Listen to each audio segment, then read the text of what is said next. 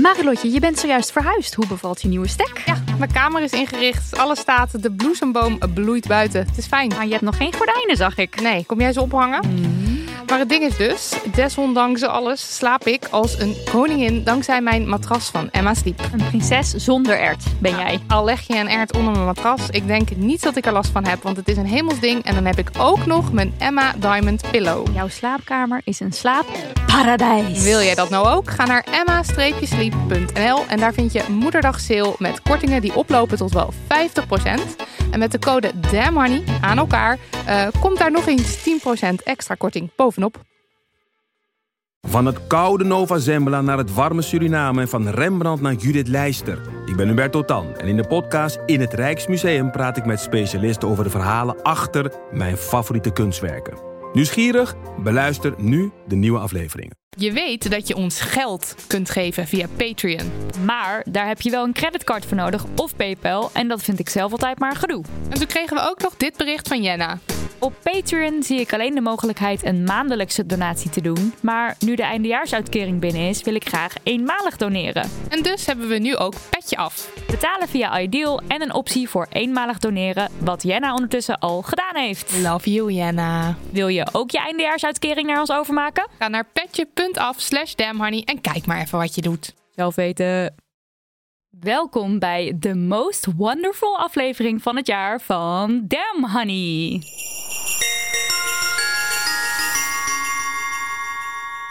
De podcast over shit waar je als vrouw van deze tijd mee moet dealen. Mijn naam is Nidia. En ik ben Marilotte. En je luistert naar aflevering 32, beter bekend als de Very Special Christmas Special, waar ik toch zeker al een maand of twee naar uitkijk. Is echt waar. Is waar, ja. Uh, net als vorig jaar lossen we problemen en dilemma's van luisteraars rondom de kerst op. En dat doen we met twee hele wijze mensen.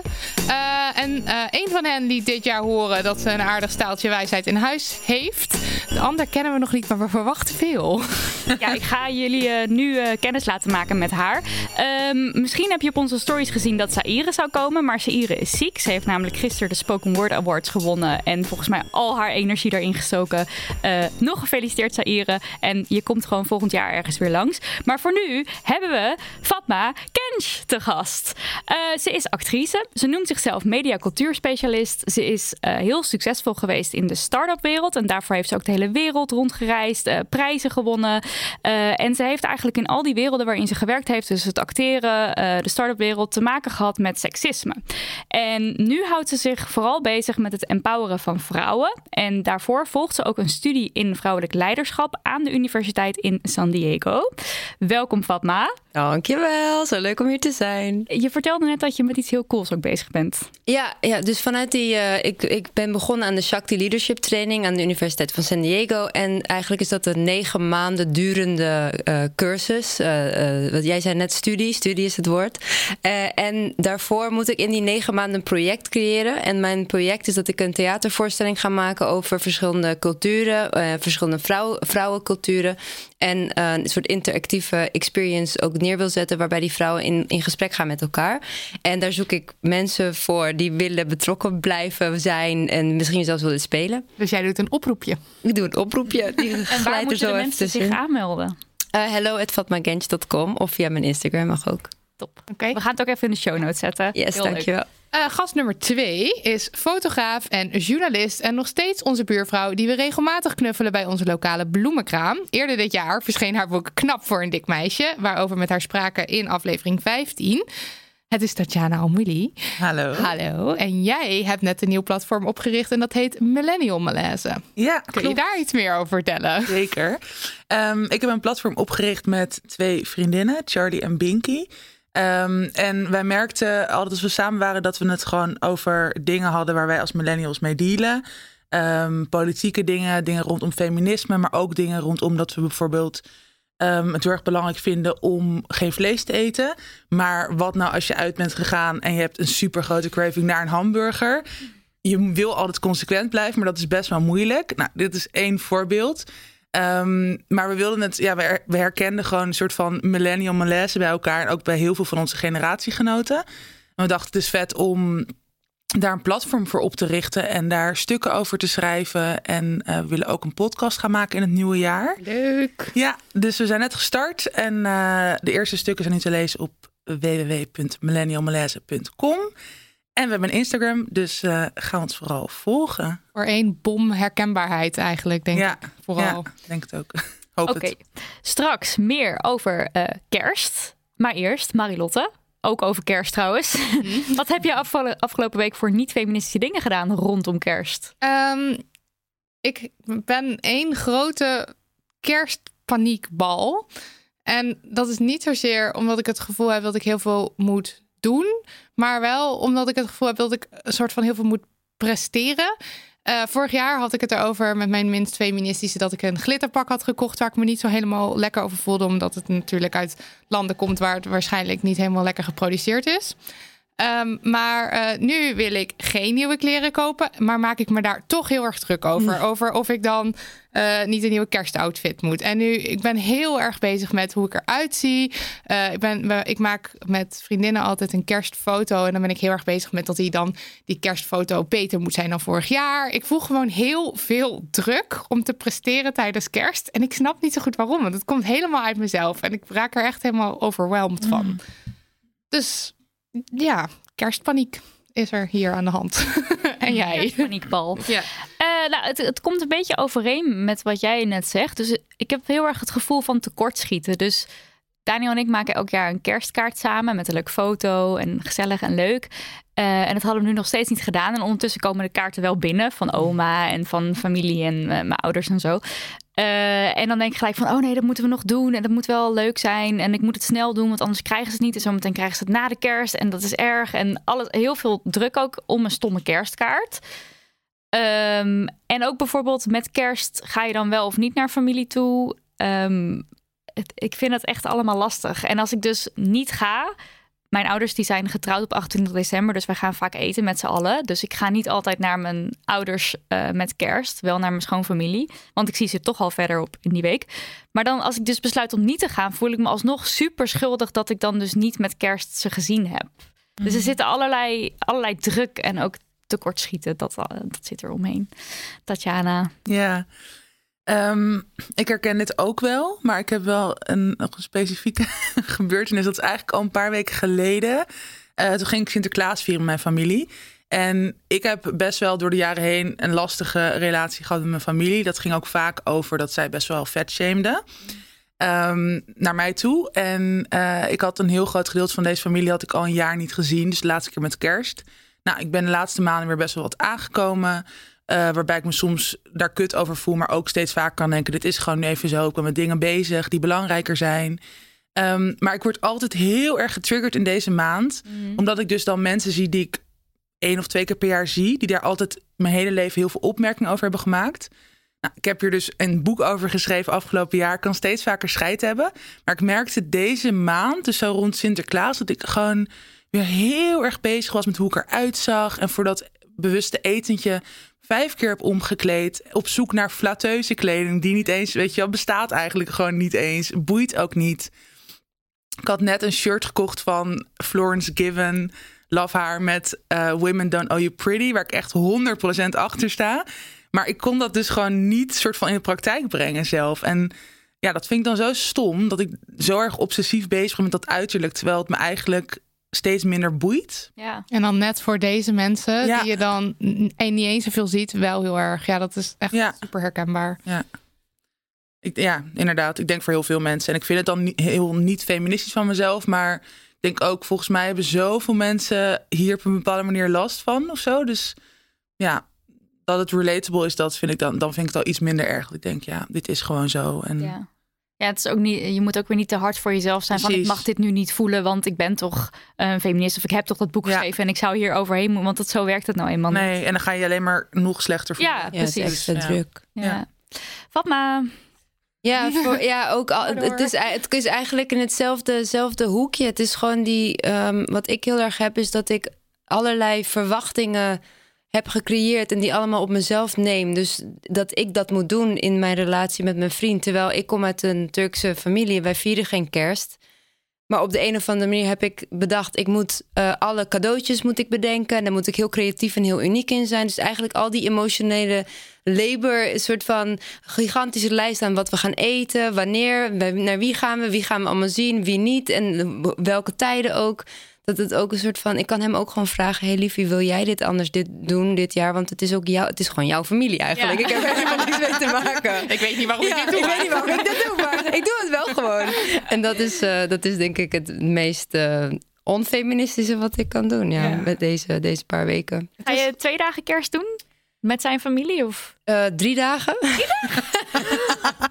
we gaan gewoon op uh, 24 gaan we daarheen. Want ze hebben een tijdje in Amerika gewoond. En daar vier je altijd ook oh, ja. um, Christmas Eve. Mm -hmm. oh, ja. dus, dan, dus dan begint het al. Dus het begint al eigenlijk in de ochtend met alle stress en inpakken. En weet je wel, zorgen dat we alles meenemen, niks vergeten, alle cadeaus hebben. En dan twee nachten met eten en... Uh, ja, het wordt wel heel erg leuk. stressvolle vakantie gewoon eigenlijk. Want ja. het slaat ner eigenlijk nergens op. Nee, en dat dan allemaal bovenop je normale leven. Ja. Alsof we niet al genoeg stress ervaren met z'n allen. Ja. Ja. Hoe kan dat? Hè? Hoe kan die gezelligheid zo... Het is zo het is opgelegd. opgelegd. Het is compleet opgelegd. Want volgend jaar over een paar weken, wat al over een paar weken is, kunnen we ook gewoon met elkaar gaan eten en een weekendje ja, weggaan. Ja, niemand vindt dat leuk, want nee. dan uh, is het allemaal alweer voorbij. Dat telt niet. Nu moet het gezellig het moet zijn. mag niet eens, toch? Een kerstboom met nieuwjaar. Nee, dat is verboden.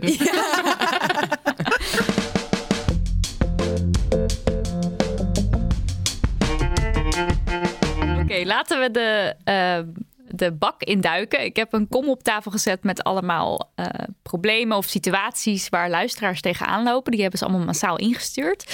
Dus wat we gaan doen is grabbelen, voorlezen wat erop staat en uh, de mensen een enorme bak aan wijsheid geven via hun headset. Ja, zodat jullie dan niet die stress ervaren die wij allemaal wel hebben. Ja, dat, dat hopen we ermee te doen. Wie wil er als eerste een lekkere grabbel doen?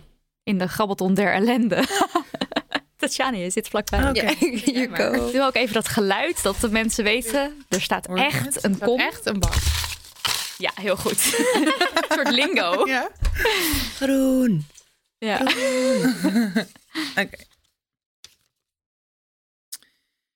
Sinds mijn broer en zus kinderen hebben, gaat kerst alleen nog maar daarover en zijn er weinig echte gesprekken. Daarnaast is het wacht maar tot je zelf kinderen hebt. Oeh.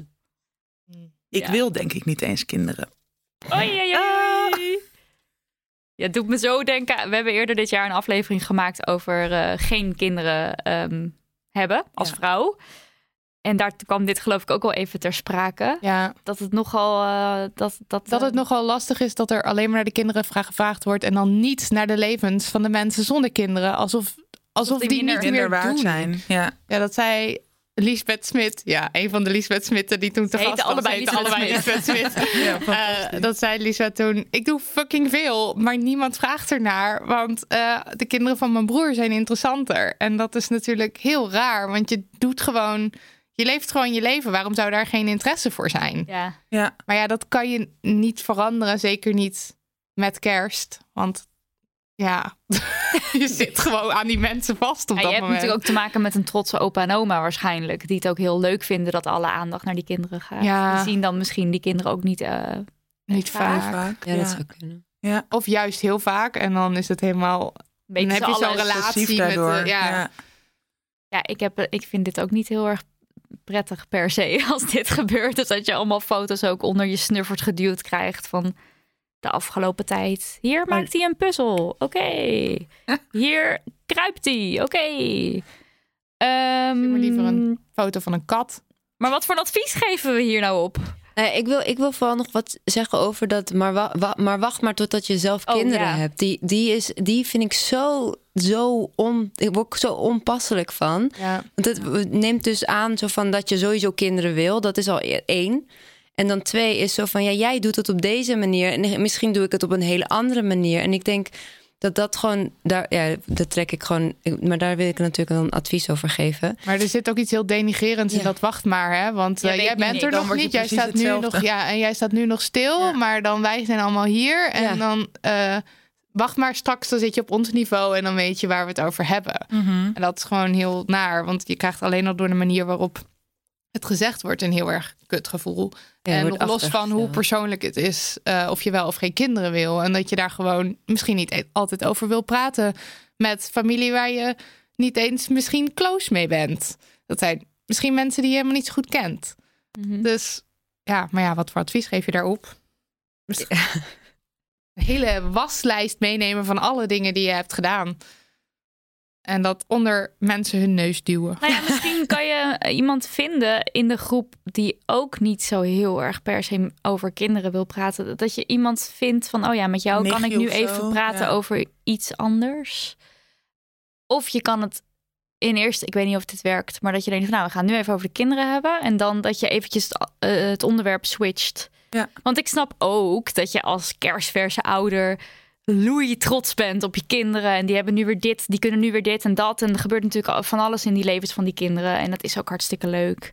Het is ook niet hier dat ik hier zit om kinderen te bashen. Maar het is meer, Ik wel. het is fijn als de aandacht verdeeld is. Ja, Ja. tuurlijk. Ja. Eh, hoe wij het thuis doen. Ik heb mijn broer die heeft twee kleine. En die, zeg maar, mijn ouders, die zijn altijd. Ik zie mijn ouders helemaal niet zo vaak. Dus die zijn echt geïnteresseerd. En hoe is het nou met jou? En hoe is het nou met, met je vriend? En dus wat zij altijd doen, is dat die kids die willen dan iets, eh, iets voordoen, een dansje. Oh ja. En dat doen ze dan echt. doen ze eerst een half uur lang giechelen en zenuwachtig. En dan gebeurt er niks. En dan zit je echt zo van: oké, come on, guys. We, zo, we, willen, we willen wat in het onze avond. Dat kunnen ze wel. Ja. maar dan doen ze. Kinderhaat podcast. Bijna, bijna. Nee, en, dan, en dan is een dansje klaar. En dan is, is het zo van: oké, nu hebben je ding gedaan. En nu gaan opa en oma gaan even luisteren met, met jullie tante. Want jullie tante is ook een dochter van opa en oma. Dus ook omdat, zeg maar, ook dat misschien dat mee te geven aan die kids. Dat de volwassen mensen ook gewoon. Equal, dat er ook equality is. Want zo'n opmerking als wat hier op dit briefje staat. Gaat gewoon heel erg uit van ouders zijn gewoon ouders. En die hebben eigenlijk geen eigen verhaal meer of zo. Ja, dat Ja. is toch jammer. Ja, maar dat is in dit briefje is het wel heel erg dat die broer en zus dat eigenlijk zo doen, hè? Ja, Dus, precies. maar ja, dus dat. eh, ja, dus dan zou je zeg maar aan die opa en oma zeggen: Oké, jij moet je eigenlijk interesseren in ook je andere dochter. ja, what about her? is. En jij hebt dus ook een taak om dat eventjes zo te delegeren. Ja. Dat we het nu even over die kinderen gaan hebben. Ja, en daarna precies. gaan we het hebben over. Dus dat je dat dus misschien van tevoren. Met je ouders bespreekt Met je eigenlijk. ouders, en misschien ja. ook wel met je broer en zus. Dat je zegt van hé, hey, ik vind jullie kinderen heel leuk. En het is prima dat ik foto's te zien krijg. Dat vind ik wel of niet leuk. Dat hoef je misschien niet eens te vertellen. maar wel gewoon van ik vind het ook heel erg belangrijk dat we elkaar gewoon spreken tijdens Ja. kerst. Want misschien zien we elkaar inderdaad niet zoveel door het jaar heen. Dit is ook gewoon een moment om als volwassenen met elkaar in te tunen en dingen te bespreken. Ja. En ik, inderdaad, ik geloof echt best wel in van tevoren ook gewoon daar iets over zeggen. Want vaak tijdens kerst is het toch... Iedereen Chaos. is een beetje ja, ch- chaos. Iedereen is een beetje gestrest of hyped. Of misschien juist helemaal niet. En daardoor in zichzelf of zo. En als je gewoon van tevoren op een beetje een rustige manier probeert het hierover te hebben... denk ik dat je daar best wel iets mee kan winnen. En dan zou je dan zeggen van ehm, eh, bel even of zo? Want ik zit nu te denken van zou ik dit doen? Zou ik dit durven? Want dan zeg je dus Ja. eigenlijk het gaat te weinig over mij. Ja, maar je hoeft niet... Ja, Zo voelt het een beetje. Ja, hoe ik, hoe ik het voor, voor me zie, visueel gezien, is dat ik gewoon eventjes mijn vader om, om de, zeg maar, een arm om hem heen sla. Misschien niet eens van tevoren, maar op die avond zelf. Zo van, hey pap, ik heb, ik heb laatst dit gedaan. Hoe fucking vet. En Ja. gewoon mijn verhaal aan hem vertel. En dan ontstaat het misschien ook Ja. vanzelf organisch. Als je, als je dus niet zo voelt dat je, dat je het van tevoren een moment van wil maken. Want dat snap ik ook wel. Ja. Dat je inderdaad niet een soort van de spotlight op jezelf wil zetten. Maar goed, dat mag ook gewoon soms. Omdat Ja. je gewoon met toffe dingen bezig bent. Ja, of het dus ook nog algemener van heel erg het op elkaar, weet je wel. Dat je, want waar, zoals het nu klinkt, eh, hoort zij ook niet veel over haar broer en zus. Want het gaat Nee, alleen maar over de ja. kinderen. Ja. Dus als je het ook iets algemener misschien, ik vind het ook helemaal, je kan ook de spotlight op jezelf zetten. Soms is dat ook gewoon, als je dat durft inderdaad, is dat alleen maar fantastisch, denk ik. Om gewoon die plek voor jezelf te claimen. Maar als je dat te eng vindt, dan is het denk ik ook heel erg goed om te zeggen. Ik vind het ook echt leuk om te horen waar we allemaal mee bezig zijn. Ja. De volwassenen. Iedereen zo. even zijn moment. Ja. ja. Nou, Recht, ja. succes, lieve luisteraar. Papa doet even een graai. Zoals je hoort. Komt-ie? Oké. Oké. Grootouders die het wel heel veel over de man, baan en het nieuwbouwhuis van je nichtje hebben, terwijl jij single en nog niet afgestudeerd bent. En dan vragen wanneer je klaar bent. Oh ja, deze is zo leuk. Getverderrie. Nou, nee, ik- oké. Ik vind het dus sowieso heel jammer dat het vaak gaat over verbouwen, vakantie, eh, hard werken, huizen hebben, Auto's. eh, auto's. Zeg maar kapitalisme. ja, same. Ehm, zo van, hoe gaat het met je? Goed, we gaan over twee weken op vakantie. De, eh, al snap ik dat het leuk is om op vakantie te gaan. Maar ik, dat is mijn, ik vind het persoonlijk een moeilijk ding aan familiebijeenkomsten. Ja, want het zijn ook het zijn een soort van oppervlakkigheden ergens Ja. ook. En die niet iedereen heeft. Of niet iedereen het geld daarvoor heeft. Of ehm, daarmee bezig is ook. Misschien het dus ook niet belangrijk vindt. Maar het wordt wel heel erg opgelegd van... dit is soort van het hoogst haalbaar in je leven... als je een Ja. goede baan hebt, een goede auto, een groot huis, et cetera. Ja, Dus Maar je, ja, maar je kunt je dus ook, want jij zegt oppervlakkigheden. En je kunt je dus af, dat wordt ook uit een soort eh, misschien wel ongemakkelijkheid gesteld. Want je bent met een grote groep mensen. Eh, misschien zijn je ouders er wel en daar ga je misschien wel de diepte mee in. Maar met de andere mensen die er zijn, misschien niet. En dan Mhm. Is het heel lastig om dus een gesprek, gespreksonderwerp te vinden. waar iedereen een beetje geïnteresseerd in is of zo. Of waar je in ieder geval wat mee kan. En dan snap ik dus wel dat het over de verbouwingen gaat en over de vakanties. En om dat te ondervangen, zou je denk ik van tevoren dus onderwerpen moeten bedenken. waar jij dan misschien geïnteresseerd in bent, dat je die er meteen ingooit of Ja. zo. Want, en wat zou je dan bijvoorbeeld erin gooien? ja, ja, ja, dat is een goede vraag. ik, ik zou denk ik sowieso wel een, een open vraag stellen, gewoon aan iedereen. Maar ik moet even nadenken, wat dan? Hebben is niet, ideeën? Het is, het is niet zo makkelijk, hè? Maar het is, wat, mij, wat mij opvalt is dat het inderdaad voornamelijk over extern gaat. En dat het heel weinig over intern, Belevingswereld. Ja, van hoe, voel, hoe voelen jullie je? Maar dat zou ik Maar dat ook niet gebeurt dan vragen, niet want zo ik goed zit nu te denken, als ik dan zo'n vraag zou stellen, dan zou ik willen weten waar ben je mee bezig of hoe voel je je. Maar dat klinkt zo cheesy. Dus je wilt iets anders, iets wat minder zweverig klinkt misschien. En dan weet ik niet zo goed wat. Je gaat het natuurlijk ook over een verbouwing of een vakantie hebben, omdat het vaak wel, nou, ik spreek nu misschien te generaliserend, maar eh, als, je, als je niet heel close met je familie bent, maar met kerst opeens wel gaat doen alsof je heel Ja. erg close bent, want het Mhm. is kerst. Ja, waar moet je het dan over hebben? Dan ga je het maar hebben over dat soort. On ik snap het dus ook wel weer. Alleen mij stoort dat dus wel. Ja, Maar, wat Maar het, hoe doe je- waar je het dan wel over moet hebben. ja. Ik vind wel, als ik op een, ehm, een borrel of zo ben, dan vraag ik vaak van, eh, oh, wat heb je vandaag gedaan? In plaats van, hoe gaat het met je? Omdat het Ja. soms een te open... Maar ja, als je op kerst vraagt, wat heb je vandaag gedaan? Misschien, wat heb je afgelopen weken, wat, he- wat heeft je de afgelopen weken bezig gehouden? ja, of er, ja, De verbouwing, de vakantie, ja de auto. precies. En dat is het moeilijke. Dat is ook als je vraagt, waar Ja. ben je de laatste tijd mee bezig? ja. En, want het, het hangt er gewoon zo erg vanaf met wat voor mensen je bent. Ja. In hoeverre je inderdaad... Ik bedoel, je hoeft niet meteen helemaal de diepte in te gaan... hoe je het met je vrienden doet misschien. Maar gewoon een beetje daartussenin of zo. Dat zou, denk ik, dat vindt bijna iedereen uiteindelijk... denk ik wel het fijnst. Ja. Maar het is gewoon heel moeilijk hoe je dan een soort van daar komt.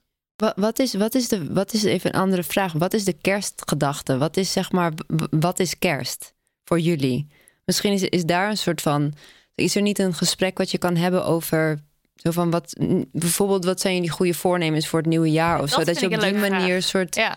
Of Een- terugblikken op eh, wat er allemaal waar ben je dankbaar is. voor? Van, ja, zo. Ja, en dan dat- weer die ja. Verbouwing en dan Ja. weer die Maar auto. dan is het niet zo erg als dat de antwoorden zijn. nee. Want het, het gaat mij meer om. Ik vind het helemaal niet erg als iemand vertelt over een verbouwing. Maar het, wat me eraan stoort is, denk ik, inderdaad het, ehm, het behalen van. Dus dat doen het een alsof dat. prestatie is of ja. dat het belangrijkste in het leven is. En dat zo. er dus heel vaak op volgt van. Oh, hebben jullie geen koophuis?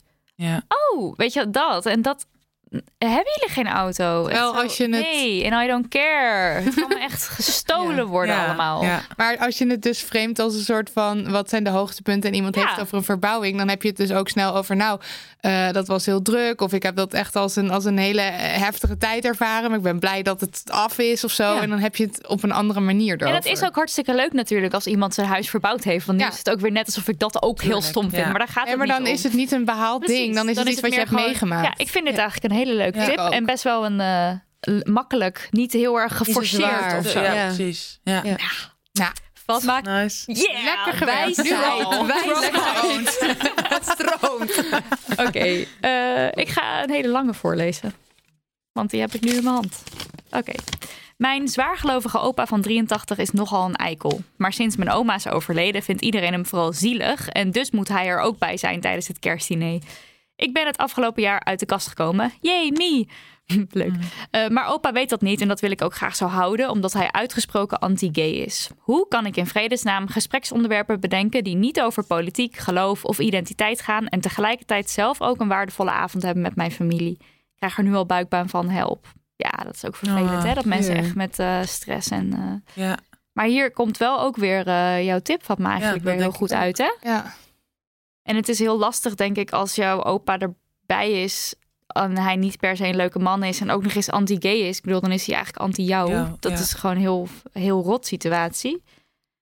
En ook hier misschien weer mensen opzoeken waar je wel wat meer mee hebt. ja, want ik denk als ik ook naar mijn eh, kerstervaringen kijk. Mhm. Het is toch niet zo dat je de hele avond altijd met de hele familie in gesprek moet zijn of Nee. zo. Je kan heel makkelijk tijdens het diner of ook al van tevoren gewoon even iemand opzoeken die je wel gewoon leuk of oké vindt. En waarvan je denkt, nou, met jou kan ik wel gewoon het over dingen hebben die mij interesseren of in ieder geval me gewoon een beetje veilig voelen of zo. Ja, precies. en Want dat je, dat voor jezelf gaat creëren eigenlijk. Ja, want je zit natuurlijk. Je is, ja, we stellen ons misschien snel een soort kringgesprek Ja. voor en dat het een soort groepsgesprek is, maar dat is het meestal, Meestal niet. in Want ieder je geval niet de hebt, hele tijd. Nee, want je hebt ook echt wel één op één gesprekken.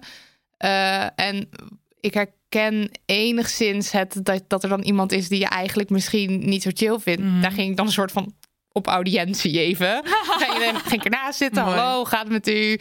Harder praten vaak, want doof. Ja. En, dan, Ja, ja, ja. eh, en, dan, en dan ga je daarna weer weg. En dan heb je het gehad. Heb je gezicht laten zien. Vinden ze het helemaal leuk. Zeggen ze dat je slank bent, zoiets. En dan, en dan, en dan eh, ja, of niet. Of En niet. dan, eh, of super dik. En, dan, en dan ga je weer weg. En dan zoek je eh, mensen op met wie het beter klikt. Ja. Ja, en als zo'n kringgesprek ga, toch gebeurt en het gaat over iets waarvan jij denkt, oeh, dit gaat helemaal de verkeerde kant op, kan je natuurlijk altijd tegen degene die naast je zeggen, zit zeggen, heb je ook een Christmas Prince helemaal opnieuw gekeken? En dan hoop je dat diegene zegt, ja. Dan zeg je, ja, was leuk hè, die nieuwe film. En dan Ja. heb je toch wel, dan doe je, dan Ja. ga je het gewoon zelf even Ja. er doorheen gewoon eh, doen, om het wat luchtiger te houden. Ja. Wel echt vervelend van opa Eikel. Maar, Ja. oh. Maar ook wel weer logisch dat opa erbij is, hè? Ik bedoel, ik snap ook wel dat hij dan toch uitgenodigd wordt. Ja, Ja. het is ook alweer heel sad als je helemaal in zijn eentje zit. Ja, ja, maar dat is dat zijn dus- lastige dingen. Dat is dus wel iets waar. Maar ik heb dan een redelijk grote familie, maar daar zorgen we dus voor dat er echt een soort van. Een soort, hoe noem je dat? Omloop is. Omloop om Oh. Ja, maar dat je dus soms, eh, het is in dit geval dan niet open, maar eh, dat, dat gewoon om zijn beurt gaan er mensen zitten. Soms één, soms drie, soms vier, soms, soms en, en dat het gewoon een beetje verschilt. En de rest doet gewoon een beetje zijn ding. Ja. En, dan, en dan wissel je dus af en toe om. Dus eh, opa of oma of degene om wie het rijdt. Dus net zoals hier die, eh, die eikel. Je voelt zich dan niet alleen. Ja. Ehm, ik noem niemand uit mijn familie nu een eikel. Deze eikel. Opa Eikel. Opa eikel. Eh, die voelt zich niet alleen. En tegelijkertijd heb jij gewoon je waardevolle momenten met de mensen waar het wel mee klikt. ja, en de vrijheid ook dus. Dat je niet Ja. de hele tijd... Ja, dus dan, dan heb je gewoon. je daar Dan, iets mee moet. Ja. ja, dan heb je echt maar gewoon. Het is maar kort. Want eh, het is echt maar kort, dat moment. En dan peer je hem weer. Ja. Oké. Ehm, ik heb een traditionele familie die zegt dat het zo zonde is eh, dat je weer geen jurkje aan hebt. Je moet je maar gewoon aanpassen voor de kerst, terwijl ik me ontzettend ongemakkelijk voel in jurkjes. Zonde van wat? Ja, dat vraag ik me vooral af. Een heerlijke vrouwenlijf. Of zo. Oh. Echt. Ja. ik vind het zo belachelijk ik dat kan ik... er ook nee, niks mee. Ik ook niet, omdat ik gewoon denk, hoe kan je dat zeggen of vinden? Ja. Hoe de fuck cares? Ja. Of nou ja, haar familie dus. care. We hadden ja. wel meer van dit soort dingen ingestuurd gekregen. Van mijn familie verwacht dat ik me zo en zo kleed. Ja. Ik vind dat heel heftig dat dat gebeurt. ja, ik ook. Maar kunnen jullie wel vinden in het idee dat je je netjes aan moet kleden voor kerst? Eh, en dat mensen boos worden als je gewoon in een spijkerbroek of in een, eh, weet je, in- misschien dan niet in een pyjama, dat zou ik dan nog wel snappen. Maar als mensen in een spijkerbroek aankomen, eh, ken ik ook wel mensen die er dan heftig op reageren. Van Ja. het is kerst en je moet je wel een beetje. Mijn je familie best doen. kan dat ook niet hoor. In een, mijn, ik ga dan in Bloemendaal kerst vieren. Bij mijn familie daar. En daar is het ook wel heel erg, in ieder geval voor de mannen, dat ze een soort van jasje-dasje zijn. Ja. Wat ik gewoon vanuit mezelf ook echt belachelijk vind. Alleen met dat soort dingen denk ik vind het ook leuk om hem met kerst zelf leuk aan te kleden. Ja, dus dan, ja. vind ik het, dan denk ik, ja, ik ga hier niet een issue van maken, omdat ik het zelf niet heel erg voel. Ja, dat heb ik dus ook. Dus ik, omdat ik het zelf wel leuk vind om een jurkje of een glitter of iets Ja. zo aan te doen, eh, kan ik me niet zo heel goed verplaatsen. En ik zou het liefst in mijn spijkerbroek gaan. Want ik zou dat nooit doen vanuit mezelf, omdat ik het leuk vind om me chic aan te. Nou, Maar ik krijg er wel de tussen stress van, zoals Ja. ik net al zei. Ja. Dat, je, dat ik dus wel denk, "Huh, ik moet iets nieuws doen. Want, want mensen verwachten dat je er met kerst leuk uitziet. Ja. Maar dat hoeft dan toch niet iets nieuws te zijn? Nou ja, dat gevoel heb ik dan dus. Ik bedoel, dat is de stress die het me oplevert. Oh ja. En met zo'n jurkje Want ik denk, ik kan precies hetzelfde aan als vorig jaar. Niemand En heeft niemand het door. door. Ja. Ik heb Ja. namelijk nu aan deze tafel ook precies hetzelfde aan als Ja. vorige keer bij de kerstaflevering. En niemand Nou, heeft ik dat had het door. gezien hoor. Ik ook hoor. Duly Ehm, Ik noted. weet niet waar je het over Maar het, het gaat nu natuurlijk even om Dat je- ouders die ja. bepaalde verwachtingen Ja. De opmerking. Ja. de opmerking is gewoon pijnlijk. Want kijk, als er een dresscode is en er staat gewoon, weet ik veel, wat voor chique dresscode je hebt met witte. Black Black tie. Black tie. tie of ja. white tie heb je ook volgens mij. Dan snap ik wel dat er mensen zijn die dan zeggen: hey, van waarom heb je niet meegedaan hieraan? Ja. Want het is gewoon een soort van collectief agreed dat we dat gaan doen. Maar ik ken wel vanuit mijn eigen jeugd thuis dat er gewoon altijd door mijn oma wer- werd gezegd van je moet je als een, een braaf meisje kleden. Zo van wat je, je hebt een gat in je broek, kan eigenlijk niet. Of Ja. je hebt nagellak op rood, dat, dat kan niet. Of lippenstift, dat kan niet. Dus die, die, dat soort opmerkingen, especially tijdens kerst, is gewoon een soort van punch in your face. Het is gewoon Ja. niet leuk. Ja, omdat je heel erg het gevoel dat je er zelf, dat je er dus niet mag zijn hoe jij op dat moment bent of wat voor jou goed voelt. Ja. Ja. ja. en ik denk dus dat je dat. eh, ik herken het ook wel wat jij zegt, Fatma. Ik heb dat ook van oma's inderdaad vroeger altijd wel gehoord. En bij mij was het dan ook nog echt heel vaak gelinkt aan mijn gewicht. Dus dat bepaalde kleding dan niet flatterend was of zo, flatteus. En ehm, ja, ik denk dus dat je dat best wel mag aangeven dat het dus jou kwetst. Of dat je het in ieder geval niet leuk vindt. En dat je ehm, het voor jezelf heel erg belangrijk vindt om te dragen of te doen wat voor jou goed voelt. En dat je dat ook op kerst wil doen. Dat je je anders gewoon er niet lekker bij voelt. Ja. Absoluut. En omdat het zo erg gaat over hoe jij, hoe jij bent ook of zo. Ik vind wel kleding is gewoon ook zo persoonlijk. En ik vind dat zo naast dat zo opgelegd is. En ehm, ja, misschien vindt je familie het alsnog niet leuk om dat te horen. Of accepteren ze het niet. Maar dan heb je het in ieder geval wel voor jezelf geuit of zo. Ik denk dat dat toch heel erg belangrijk is. Mm. Ja. En Ja. hoe deed jij dat vroeger, Fatma, als je zo'n opmerking kreeg? Nou ja, ik denk dat ik vroeger op die leeftijd dat ik het altijd maar heb gepikt en geaccepteerd dat dat de waarheid is. Ja. Dat is ook waarom ik jarenlang heb gevochten met ik, I'm the good girl. Zo van ik, ik moet me beschaafd kleden en ik moet me netjes gedragen. En dat is eigenlijk pas de afgelopen tien jaar is dat ont, ontploft en heb ik geaccepteerd dat ik niet dat ben en dat ik eh, veel meer ben dan grijs en, en nette kleding en ehm, veel extroverter ben eigenlijk. Of niet extrovert, extravagant zou ik zeggen. En, en zijn er dan ook, is er, is er, want dan, dan, dan moeten er momenten zijn geweest dat je clasht. Ja, die En- zijn er heel veel geweest. Ja. Heb je een specifiek moment waarvan je zegt, nou toen heb ik echt gewoon op mijn strepen gestaan en toen dacht ik, dit ben ik en je pikt het maar of niet? Ja, ik heb met mijn ouders denk ik zo'n moment gehad. Het was niet, denk ik niet per se kerstgerelateerd. Dus ik, ik heb niet per se een kerstgerelateerd voorbeeld. Maar ik heb mijn ouders op een gegeven moment heel hard toegeschreeuwd. Want ik ben, ik ben dus een schreeuwer. Ik ben heel een soort van ex, explosive. Eh, zo van, jullie, jullie zeggen mij heel veel wat ik wel en niet mag doen... of niet moet doen, niet moet gedragen in deze, in deze manier. Maar eh, heel cru gezegd heb ik heb toen gezegd... over zoveel jaar zijn al mijn ooms en tantes toch dood. En dan heb ik mijn hele leven lang geleefd naar, naar een beeld wat ik moet zijn... terwijl zometeen zijn ze er niet meer... en dan heb ik ineens alle vrijheid. Ik pas daarvoor. En toen zijn zij, hebben zij zo, zo gezegd van... "Eh, je hebt eigenlijk wel een punt... Ehm, maar goed, dat heeft wel, heeft wel, wel ja, jaren geduurd voordat ze dat Ja, helemaal hebben zomaar. geaccepteerd. Ja. Maar zij zijn wel toen, hebben ze ingezien zo van... oké, ze is heel duidelijk in wat ze wil... en zijn ook volledig achter mij gaan staan. Dus nu is altijd mijn familie en mijn nichtjes en tantes... die zeggen altijd... oh, hey Fatma, wat, wat zie jij er apart uit? Wat leuk, weet je? Dat, dat is dan de, de soort van de, de, de toestemming van... we accepteren Oh ja. jou zoals je bent. Maar ja, er is sowieso een clash nodig om daar doorheen te breken... als Ja. het dus steeds als het een patroon is. Het is wel wat jij daar toen gezegd hebt. Dat raakt natuurlijk precies aan waar het om draait. Je hebt maar één leven. En waarom zou je het in dienst laten staan van allemaal andere mensen die er op een gegeven moment niet meer zijn? Of Ja. überhaupt, ook al zouden ze er wel, Wel zijn. zijn. Waarom We zou hebben je er niks over te zeggen. Ja, en dat is Ehm, alleen de vraag is natuurlijk, moet je dat dan per se met de... Is dat dan dat je dan met de kerst, omdat jij geen zin hebt in een jurkje, wat je goed recht is, moet je dan op je strepen gaan staan? Of, of zou je dan kunnen denken, Een ander moment voor die ene keer Ja. met kerst, trek ik dat jurkje voor mijn moeder aan? En dat is natuurlijk altijd van je... je, ja, Ja, want ga ik je- vind het wel dat, kijk, aan de ene kant, ik zou misschien ook niet direct ervoor kiezen om dat op kerst aan te gaan. Maar aan de andere kant vind ik het zo irritant dat het altijd is van, oh, maar met kerst moeten we alleen niet. maar de lieve vrede bewaren. Dan Ja, moet het gezellig zijn. Dan Ja. moet, en dat is gewoon bullshit, want het is één moment per jaar. Ja. Het is soort van vanuit christelijke tradities, terwijl niet, bijna niemand is meer christelijk nu. Ja. En ook niet, weet je wel? Bijna niemand, dat is ook weer niet waar, maar we hebben dat onszelf zo erg opgelegd en elkaar ook. En als het voor jou wel goed voelt om het tijdens kerst aan te gaan, Doe het. go for Ja. it. Ja. Eens. Maar ik denk wel, kerst is wel het moment waar jij zelf ineens tot inzicht komt. Oké, dit Ja. gebeurt. Want dat zijn Ja. de momenten waar je, waar je dat soort dingen realiseert. Waar, het- waar, de, waar de spanningen hoog oplopen. Dus je kunt werken met kerst of niet. Maar het is gewoon een, hoe dan ook, een moment. Ja. Het is ook altijd een confrontatie van...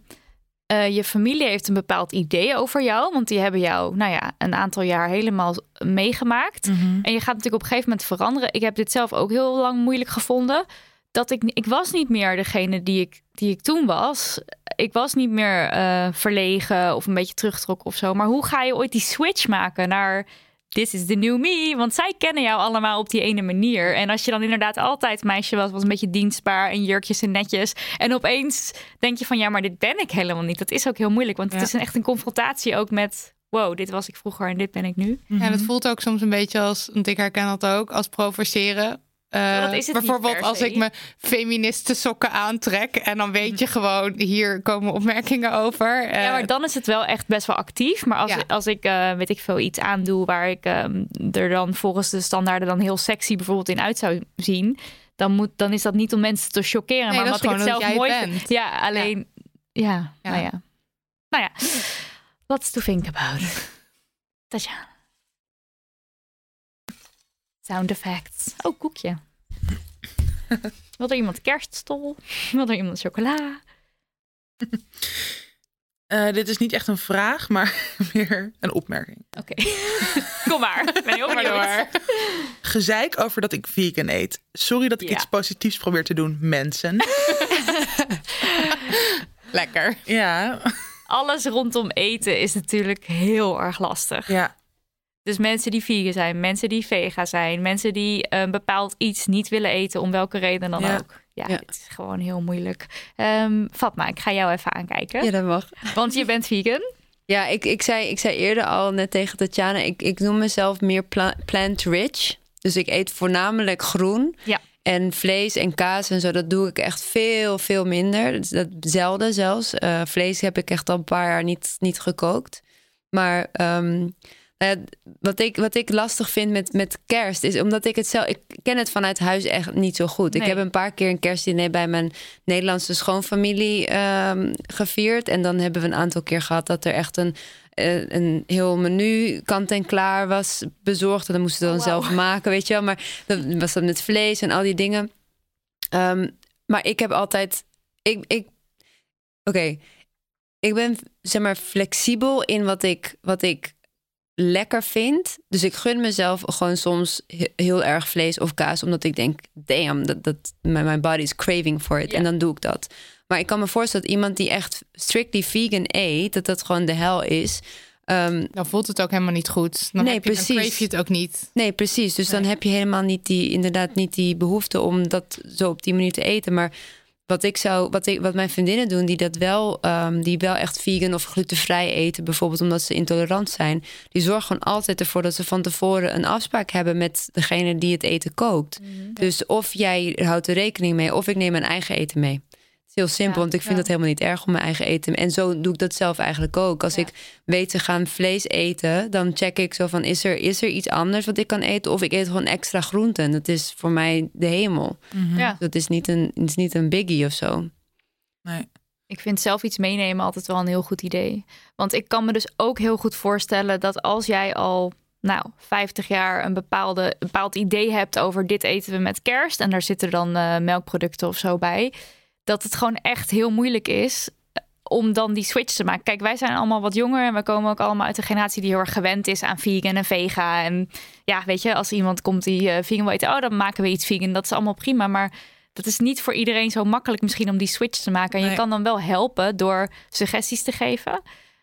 Maar wat wel denk ik dan weer heel storend is, is als het er dan tijdens het eten de hele Ja, want tijd over zegt moet deze gaan. persoon gewoon dat het dus Ja. het gezeik is. Ja, Ja. dus eh, oh, wat eet je dan? Je bent toch geen konijn? Mag Ja. je dan ook niet dit? Eet je dan ook niet dit? Nee, ik ook. Maar het is toch helemaal niet gezellig? Ja, oh, vreselijk. Ja. Ja, Eet gewoon mee met de pot, ja.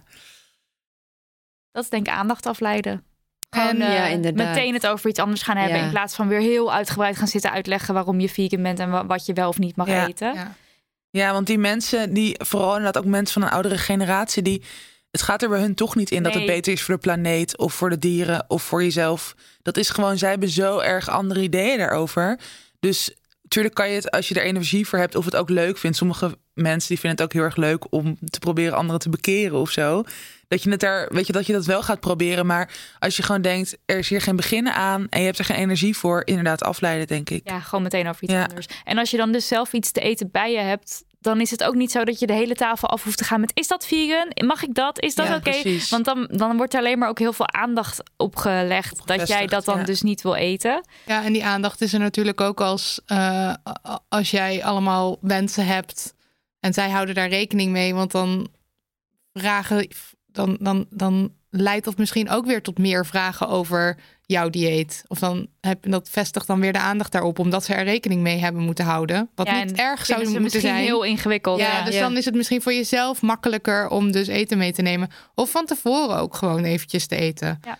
Dat helpt altijd wel. Ik, ik Maar ben, voor een kerstdiner zou je ja, dan, dat is, la- ja, dat is lastig. als je zo'n heel vier gangen diner. Maar dat je in ieder, Ja, dat is echt lastig. dat je in ieder geval niet barst van de honger of zo. Ja, dat ja. je daar gewoon al wel o- ook. Nou, ik herken dit, dit eetgedoe vooral van omdat ik gewoon heel snel zagrijnig word als ik niet genoeg eet. Dus Oh ik ja, zorg gewoon altijd Ja, dat ik gegeten heb als voordat ik ergens heen moet. Want Ja. dat helpt gewoon. Ja, dat je er niet afhankelijk van bent. Ja, van, oh, dan precies, gaan we dit en dit en dit eten. Ja. ja. En, dan, en dan stel er gebeurt iets vervelends rondom het eten, dan ben jij in ieder geval soort van zo gewapend mogelijk erheen gegaan. Ja, Ja. Goeie Ik heb wel het idee dat als je het er dus zelf niet echt over hebt, dat het helemaal niet echt een onderwerp is. Want dan hebben mensen het dus helemaal niet door. Ze gaan het pas doorhebben als je het zelf heel erg duidelijk de hele tijd Ja. gaat zeggen. Ja, dat is waar. Want ja. wij gaan gourmetten met de schoonfamilie. En dan eten Daniel en ik ook altijd vega dingen. En dan kan je heel erg zeggen van... oké, waar staan de vega dingen? Maar je kan ook gewoon dat opscheppen. En niemand zegt iets. Nee, want Ja. iedereen let toch op zichzelf. Ja, iedereen Ja. let op zichzelf uiteindelijk. Ja, het is dat is zo een goeie. Dat is 100% Ja. wat je moet doen. Je moet gewoon voor, voor jezelf zorgen. Gewoon de verantwoordelijkheid nemen. En, en geen enkele keer benoemen, want Nee. niemand gaat het zien. Nee, en dan is er ook niks, dan, dan is er ook niks te zeggen. Want, Ja. nou ja, oké. Ja. Fatma. Kan ik een koekje eten? Dat hoor je heel Ja, erg, hè? maar dat Als je een klein beetje zo... Lekker. Voor de, voor de, Of gewoon in, voor, de, voor de effecten. Leuke soundbites. Daniel wil ook nog een koekje. Ja, ik, Ik wil eigenlijk ook nog wel een koekje. maar ik zal hem wel eerst even voorlezen hoor. doe maar. Ehm, toevallig eh, heb ik deze. Hoogzwanger met kerst. maar ik word geacht overal blij te zijn. Want je bent toch niet, nog niet met verlof. Hoe geef ik nou mijn eigen grenzen aan? Het is mijn lichaam en ik ben moe. Nou ja, dat is volgens mij het antwoord al. Ehm, maar ehm, eh, ja, ik vertelde je natuurlijk eerder al. eh, ik ben ook zwanger. Nieuwtje! Ding, ding, ding, ding, ding.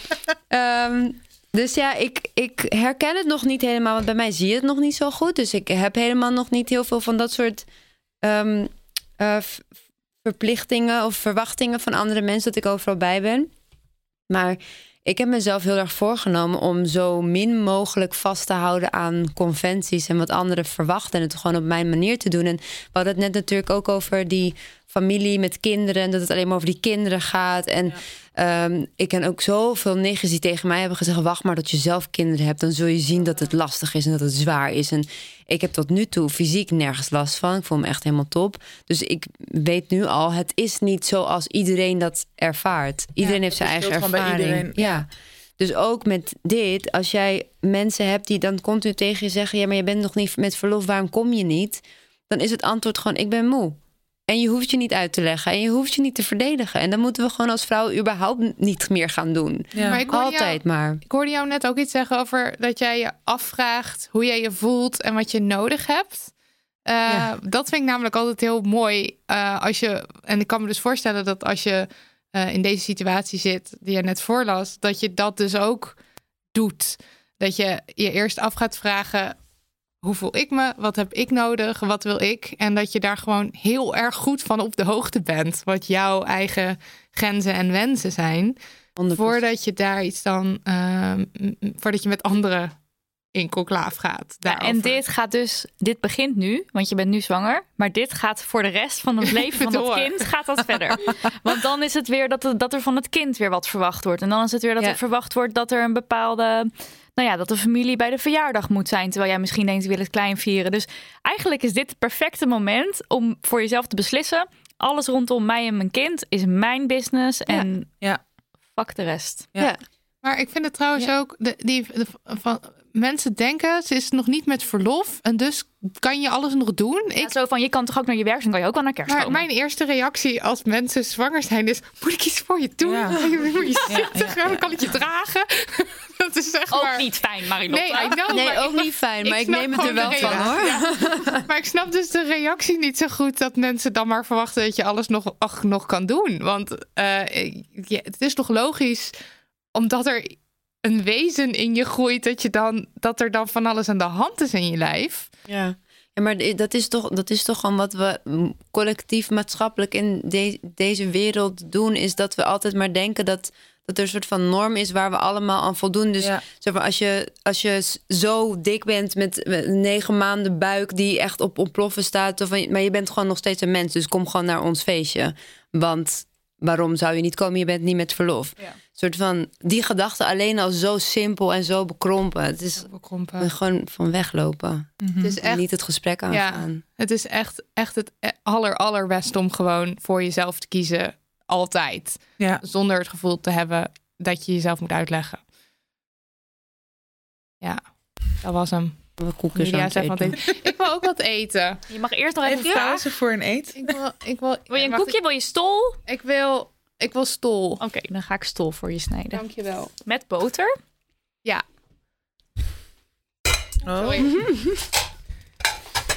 nou, ik heb een toepasselijke, stol gerelateerd. Oh. Dieetpraat. Verschrikkelijk. Mijn superdunne schoonzus die over calorieën ratelt en hoe ze wil afvallen voor haar bruiloft. En ik als dikkie dik die daar dan naast zit en me ontzettend ongemakkelijk voel.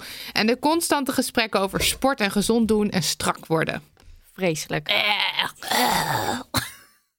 Ja, heel Ik irritant. weet niet waar ik moet beginnen met al Nou, dit is inderdaad, los van de verbouwingen en de vakanties, is dit natuurlijk ook het thema. onderwerp, ja. Ja. Dus dan is het van, ehm, nou, ik ga nu, nu neem het er lekker van. Maar 1 Straks januari? wandelen we het wel. Oh, Ja. dat, dat ook. 1 Dan januari. beginnen we, hoor. inderdaad wandelen op de We wandelen het er wel weer af. En alles over eten en alles over diëten. Ja. Het is vreselijk. Het leuk hoe je zo die stoel aan het smeren bent.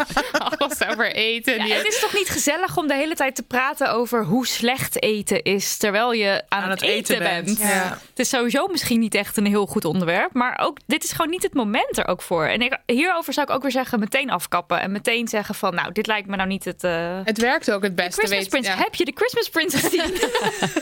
gewoon de hele tijd die Christmas Klein obsessietje. Maar dat dus, eh, dus afleiden en niet erover hebben, dat werkt ook gewoon echt het beste. Dat, eh, je kan zeg maar, je, je, je kan sassy antwoorden geven wat je wilt, maar dat heeft gewoon geen zin. Je kan het beste ehm, ehm, eh, misschien gauw antwoord geven of whatever, of zeggen ik wil het hier niet over hebben, of wat doet het ertoe, of afleiden en iets anders, iets over iets anders hebben. Want mensen vinden diëten, calorieën, hoe je eruit ziet, ze vinden het gewoon heel belangrijk. Ik weet niet waarom, maar met kerst ga je het niet veranderen. Want Ja. ja, nee. Maar, ja, nee, ik krijg het ook nog regelmatig. Dan is het of wat doe je allemaal om je figuurtje te behouden? Of het, het is helemaal ook. Eh, het hangt volgens mij helemaal af van wat ik uitstraal. Of ik me wel of niet goed voel. Als ik me niet goed voel en ik ben een beetje moe of bozig, dan ben ik te dik. En als je, eh, als je, als je helemaal blij bent en ik heb zin in de wereld, dan is het. Oh jeetje, wat zie je er goed uit. uit. Ben je afgevallen? En, ja, en dat is, dat is gewoon zo vervelend, want het gaat nergens over. Nee. Dus eh, meestal hou, ik- hou ik mijn schouders op, zeg ik iets van, ja, ik ben er eigenlijk niet zo mee bezig. En je gaat het over iets anders hebben. En het lijkt me dus heel naar eh, als, als het er Want ik kan me dus voorstellen dat in deze specifieke situatie het onderwerp weer heel tijd terugkomt. Ja.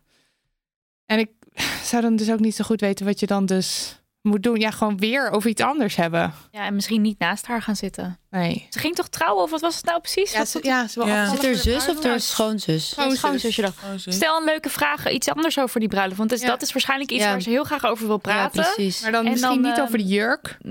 Ja, weet ik niet. Ja, inderdaad. Nee, maar ja, ik vind het wel goed om gewoon om in, over een bepaald onderwerp wel verder te vragen. Dus niet per se een soort afleiding. Of niet. Ik zou niet zeggen, ik wil er liever niet over praten, omdat dat zeg maar dan. Dan, dan heb je eigenlijk ook uit te leggen waarom niet. Of zo. Zeg maar, Ja. Je moet je nooit uitleggen. Dat was het ding, hè? net wat we zeiden. Je hoeft je nooit uit te leggen of niet te verdedigen. Maar als, als, als het zeg maar niet specifiek gaat over jou. En het gaat gewoon over calorieën en afvallen voor de bruiloft. Dan inderdaad gewoon de diepte ingaan in de bruiloft. Want blijkbaar wil ze er wel over praten. Ja, dat zit natuurlijk hoog, dat thema. En Ja. dat is best leuk om het over te hebben, kan ik me Precies. voorstellen. Om Dus ook, gewoon er te ook vragen. bij kijken. Venues en mensen die babsen en alles. Dus weet ik veel wat je allemaal hebt. Dus Ja. dat is ook en dat is best leuk. Ja. Maar doe ja en en en ehm, haal je schouders dus een beetje op bij dat. ehm, Ja. ja, vooral als het inderdaad niet over jouzelf gaat. Want ik kan me wel voorstellen als het steeds over jou gaat. Dus je gaat steeds een soort van vergelijking maken of zo. Dat het dan gewoon ook niet chill is om de hele tijd soort van je schouders op te halen of zo. Als je je heel erg persoonlijk voelt aangevallen. Ja, nee, dat is Maar ook. Inderdaad, ik als denk het- ook wel omdat omdat ze zichzelf Dikkie Dik noemt, denk ik dat het niet Dat ze- heel neutraal is. Nee, precies. Dus er zal ongetwijfeld ehm, zal, zullen er negatieve gevoelens ehm, zitten. Ja. Eh, en dan is het heel lastig om je schouders op te halen. Maar misschien hoeft dat dan, zeg maar, voor jezelf. Het is niet zo dat dat probleem dan opgelost is. Maar dan doe je er luchtig over bij andere mensen. Zodat er niet de hele tijd over door. De nadruk daarop Ja. blijft liggen. Ja. ja. Maar ik vind het ook wel terecht om dan, sorry, dat, ja, Ja. om, om achteraf dan misschien een keer met haar af te spreken en te zeggen van hé, hey, ik voel me er gewoon niet chill bij. En dan zeg maar, dan kan je wel gewoon voor jezelf opstaan en het aangeven. Want dan hoef je het misschien volgend jaar met kerst niet meer te ervaren. En Ja. eh, dat, ze, dat ze dan heeft over hoeveel ze was afgevallen voor de bruiloft. Een fantastische wel- jurk aan had. Dit hoeft niet te werken. Dit kan heel slecht niet werken. Als in, ik heb eh, met eigen familieleden echt heel vaak dat ik zeg. Je hebt toch Damn Honey gelezen? Weet je wel, maakt niet uit. eh, eet lekker, la, la, la, al die dingen. En elke fucking keer weer gaat het over mijn gewicht, andermans gewicht. Het- uit sommige mensen is het gewoon niet, is het er niet uit te krijgen. Ja. Het is zo'n belangrijk onderwerp voor ze. Ja. En ehm, ja, het is dat- heel goed om het te proberen, maar ja, bij sommige mensen die willen gewoon er niet aan Ja. dat het voor jou geen thema is. En Maar dat blijven gewoon- maar daarop hameren. Dan een soort van pick your battles. En ook Ja. kijken, weet je of zij het hier altijd over heeft. Of nu alleen maar rondom die bruiloft. Want dan kan je ook ook, ja. Dus dat is gewoon ook de situatie inderdaad bekijken. En ook een beetje afwegen wat wel of niet zou kunnen werken. ja.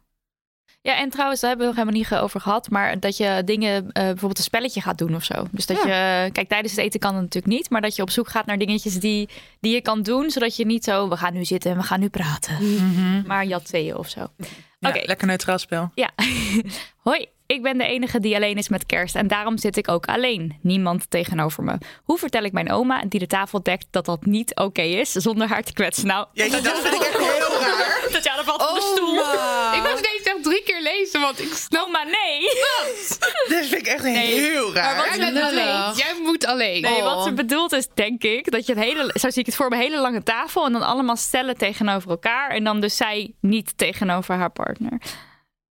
Nee, maar Er zij zit dan niemand alleen. tegenover Nou ja, ze zit niet alleen, ze zit wel naast iemand, denk ik, Ja, maar, maar ze zit niet in een... Oké, maar moet ik me nu voorstellen dat je aan een hele lange tafel zit en stel je zit in het midden, dan zit er dus heel specifiek niemand tegenover. ja, dat zag ik ook Maar dat is toch heel Dat is raar? heel raar. Ja. Ik zag het meer voor me aan het eind Aan- van de aan het eind tafel. van de tafel. Ehm, zeg, oma, ik help met eh, dekken dit jaar. Ik ga een hele leuke tafel. eh, we gaan het helemaal omgooien. Elke Ja. gang gaan we ergens anders zitten. Ja, Zoiets. precies. Dan kan je Of altijd gewoon demonstratief ergens anders gaan zitten. Of gewoon aan het hoofd van de tafel. Ja, dat dacht ik ook, ja. In beginnen. Of plaats neem een leuke vriendin mee. Leuke vriend, vriendin mee. Precies. Ja. Waarvan je denkt, nou, die is ook een leuke toevoeging. En dat je dan gewoon heel passief-agressief zegt: Ja, ik wil ook wel eens een keer iemand tegenover me. Ja, precies. Oma. Oma. Oh, oma. Nee, mag ik niet? Oh, je bent net al geweest hoor. Je bent net al geweest, Marilotte. Oh ja, dat is waar, sorry. ik wil. Jij mag zo meteen. We laten Please deze like voor jou. Die- Ja. We love you. Oké. Wow, ik heb steeds een hele korte. Oh, maar dit is wel een goeie. Wat moet je doen als ze zeggen dat je kind te dik is? Of dik is? Ja. Dat is echt heel kut, denk ik. God, Ja. bij mijn kind. Ja. Ja. Lekker op. Ja. Ja, gewoon een wedervraag stellen. Zo van, waarom vind jij het belangrijk om dit over mijn kind te zeggen? Ja. Van, what's in you? What's in you? Gewoon een heel diep filosofisch met jou? Hoe gaat Ja. het met jou? Dat jij zo aandacht hebt voor mijn kind. Zo, waar komt het vandaan? En dan weglopen. Niet het antwoord afwachten. Gewoon Kom, schat. weg. Ja. Ja. ja, kom, we gaan frietjes eten. Nou, hier begint het dus al, hè? Ja. Dus die opmerkingen over elkaar. We hadden ook heel veel vragen. Die zitten, we hebben ze niet allemaal in de, in de grabbelton gedaan. Maar van eh, mijn opa die zegt iets over het gewicht van mijn zus. En mijn tante zegt weer wat over het gewicht van mijn nichtje. Dus hele tijd over elkaar en over dat Ja. gewicht en over het uiterlijk. En te korte rokjes. En, eh. En maar tegelijkertijd is het hier ook een soort van aanval op je opvoeding. Ja. Eh, eh, en want het is, het is, Want dit gaat niet over je zus, maar je bent ook nog eens verantwoordelijk Ja. voor de gezondheid van dit kind. En dit Ja. kind is te dik. En dat is gewoon erg. En eh, ja, dat is echt heel shamend. Dus voor Ja. jou. En, eh, maar dit is ook eigenlijk weer zo'n moment dat je het gewoon in de kiem moet smoren. Net zoals bij eh, eh, waar we het net over hadden. with fire! Ja. Zo, zo, ja, het is wel een soort kritiekpunt waar je gelijk kan zeggen: dit tolereer ik niet. Ja. Ja. Ja. Grens, ja. Ja, Echt een precies. Ik denk dat heel erg belangrijk is. Want eh, het is heel. Want hierbij, hier zou ik dus dan niet over zwijgen. Nee. Omdat je dan, als het echt over een kind gaat, dan kan het natuurlijk, dat heb ik zelf ook ervaren. Ik was Ja. als kind ook dik. Ja. Dan gaat het soort van van kwaad tot erger. Want dan denken ze ook, we mogen hier iets over zeggen. En volgens mij zegt zij niet eens, ik las het voor als te dik. En zij zeggen dan dat je kind dik is. Nou ja, als het kind dik is, dan kan je ook al natuurlijk rondom dat woord dik. ehm soort van positievere connotatie eraan hangen. Of misschien dus ook gewoon zeggen, ja, hij of zij is dik. Ehm, ofwel, dat is zo en soort van neutraal, we vinden daar niets van. Ofwel, als ze ermee bezig zijn of whatever, gewoon zeggen, nou, daar misschien dan iets over zeggen. En niet vanuit dat moet je doen, je, je moet je verantwoorden of zo. Maar wel gewoon daar heel duidelijk in zijn. Gewoon zeggen wat, ja, wat voor jou goed voelt. En ook eh, die grens aangeven vooral. Ja. En gewoon heel daar en natuurlijk het liefst gewoon zeggen dat gaat jou niks aan. Ehm, dit is iets wat weet je wel, wat van, van hem of haar of van ons is of zo. Misschien kan je ook zeggen, mijn kind is ehm, boven alles... ehm, eh, kind. Bijvoorbeeld eh, Timo is boven alles Timo. En Timo is creatief. En Timo houdt van eh, eh, tekenen en van verstoppertjes spelen. En dat is wat Timo is. En daar wil ik het wel over hebben. Ja, maar dat is ja, nee, Ehm, ja, dat ik zou dat ik snap dat. Alleen dan is het ook weer dat je het een soort van Echt stop. wegstopt. Nou ja, je kan, zeggen, je kan ook wel zeggen van, eh, dat dik zijn er ook een onderdeel van is. Maar meer van... wat het ik denk het belangrijkste gevaar is. is. ja precies. Dat je dus, tenminste, dan, eh, ik ben nu eigenlijk dan jouw verhaal nu, de, eh, Marilotte, dan aan het vertellen. Maar jij zei op een gegeven moment van dat jij al best wel op jonge leeftijd heel erg bezig ging zijn met afvallen. Ja. Op je twaalfde of zo, geloof ik. Terwijl je eigenlijk gewoon verstoppertje had moeten spelen. Ja. ja. En dat, dat probeer ik eigenlijk nu eh, te zeggen. Zo van, dit is niet waar, waar, waar Timo, whatever, wie, wie Timo dan ook maar niet zijn, identiteit waar die mee hem bezig. of Ja, precies. Ja. ja, nee, eens. Dat ja. moet niet het grootste zijn wat nu gaat spelen in iemands leven. Want dat is- verpest gewoon een hele jeugd door daar heel erg op te focussen. Ja, en het is natuurlijk niet zo dat omdat je er met kerst niet over zou willen praten, dat je het wegstopt. Want wie weet worden, eh, kun je er ja, wel tuurlijk, gewoon hele ja. neutrale gesprekken over voeren thuis. Maar en daar, daar komt het uiteindelijk gewoon heel erg op neer. Het is niet, het gaat andere mensen, of het nou familie is of niet, niet, niet aan. Hoe jij je kind opvoedt, eh, hoe je kind eruit ziet, eh, eh, dat, dat, dat is gewoon niet hun zaak. Dus ik zou, ja, als het je lukt, want het is altijd fucking lastig, trek je grenzen. Want ehm, uiteindelijk gaat, het, gaat een kind er ook onder lijden als het constant ja. hoort, Ja. je bent dik. Of als je de constante boodschap meekrijgt, je moet dun zijn. Ja. En, want dan gebeurt er wat er met mij gebeurt en ook met jou gebeurt, is dat je daar gewoon heel erg mee bezig gaat zijn. Dan gaat je echt tekenen. Ja, en, en dan is gewoon je, je hele tienerjaren zijn weg omdat je constant aan het afvallen was. En dat is gewoon heel kut. Dus ja, dat, met dat in, in het achterhoofd, je kan iemands hele toekomst een stuk rooskleuriger maken door nu te zeggen: dit gaat jou niks aan. Ja. Ja, en ik denk ook wel dat, eh, nog even kort. Heel nog even kort.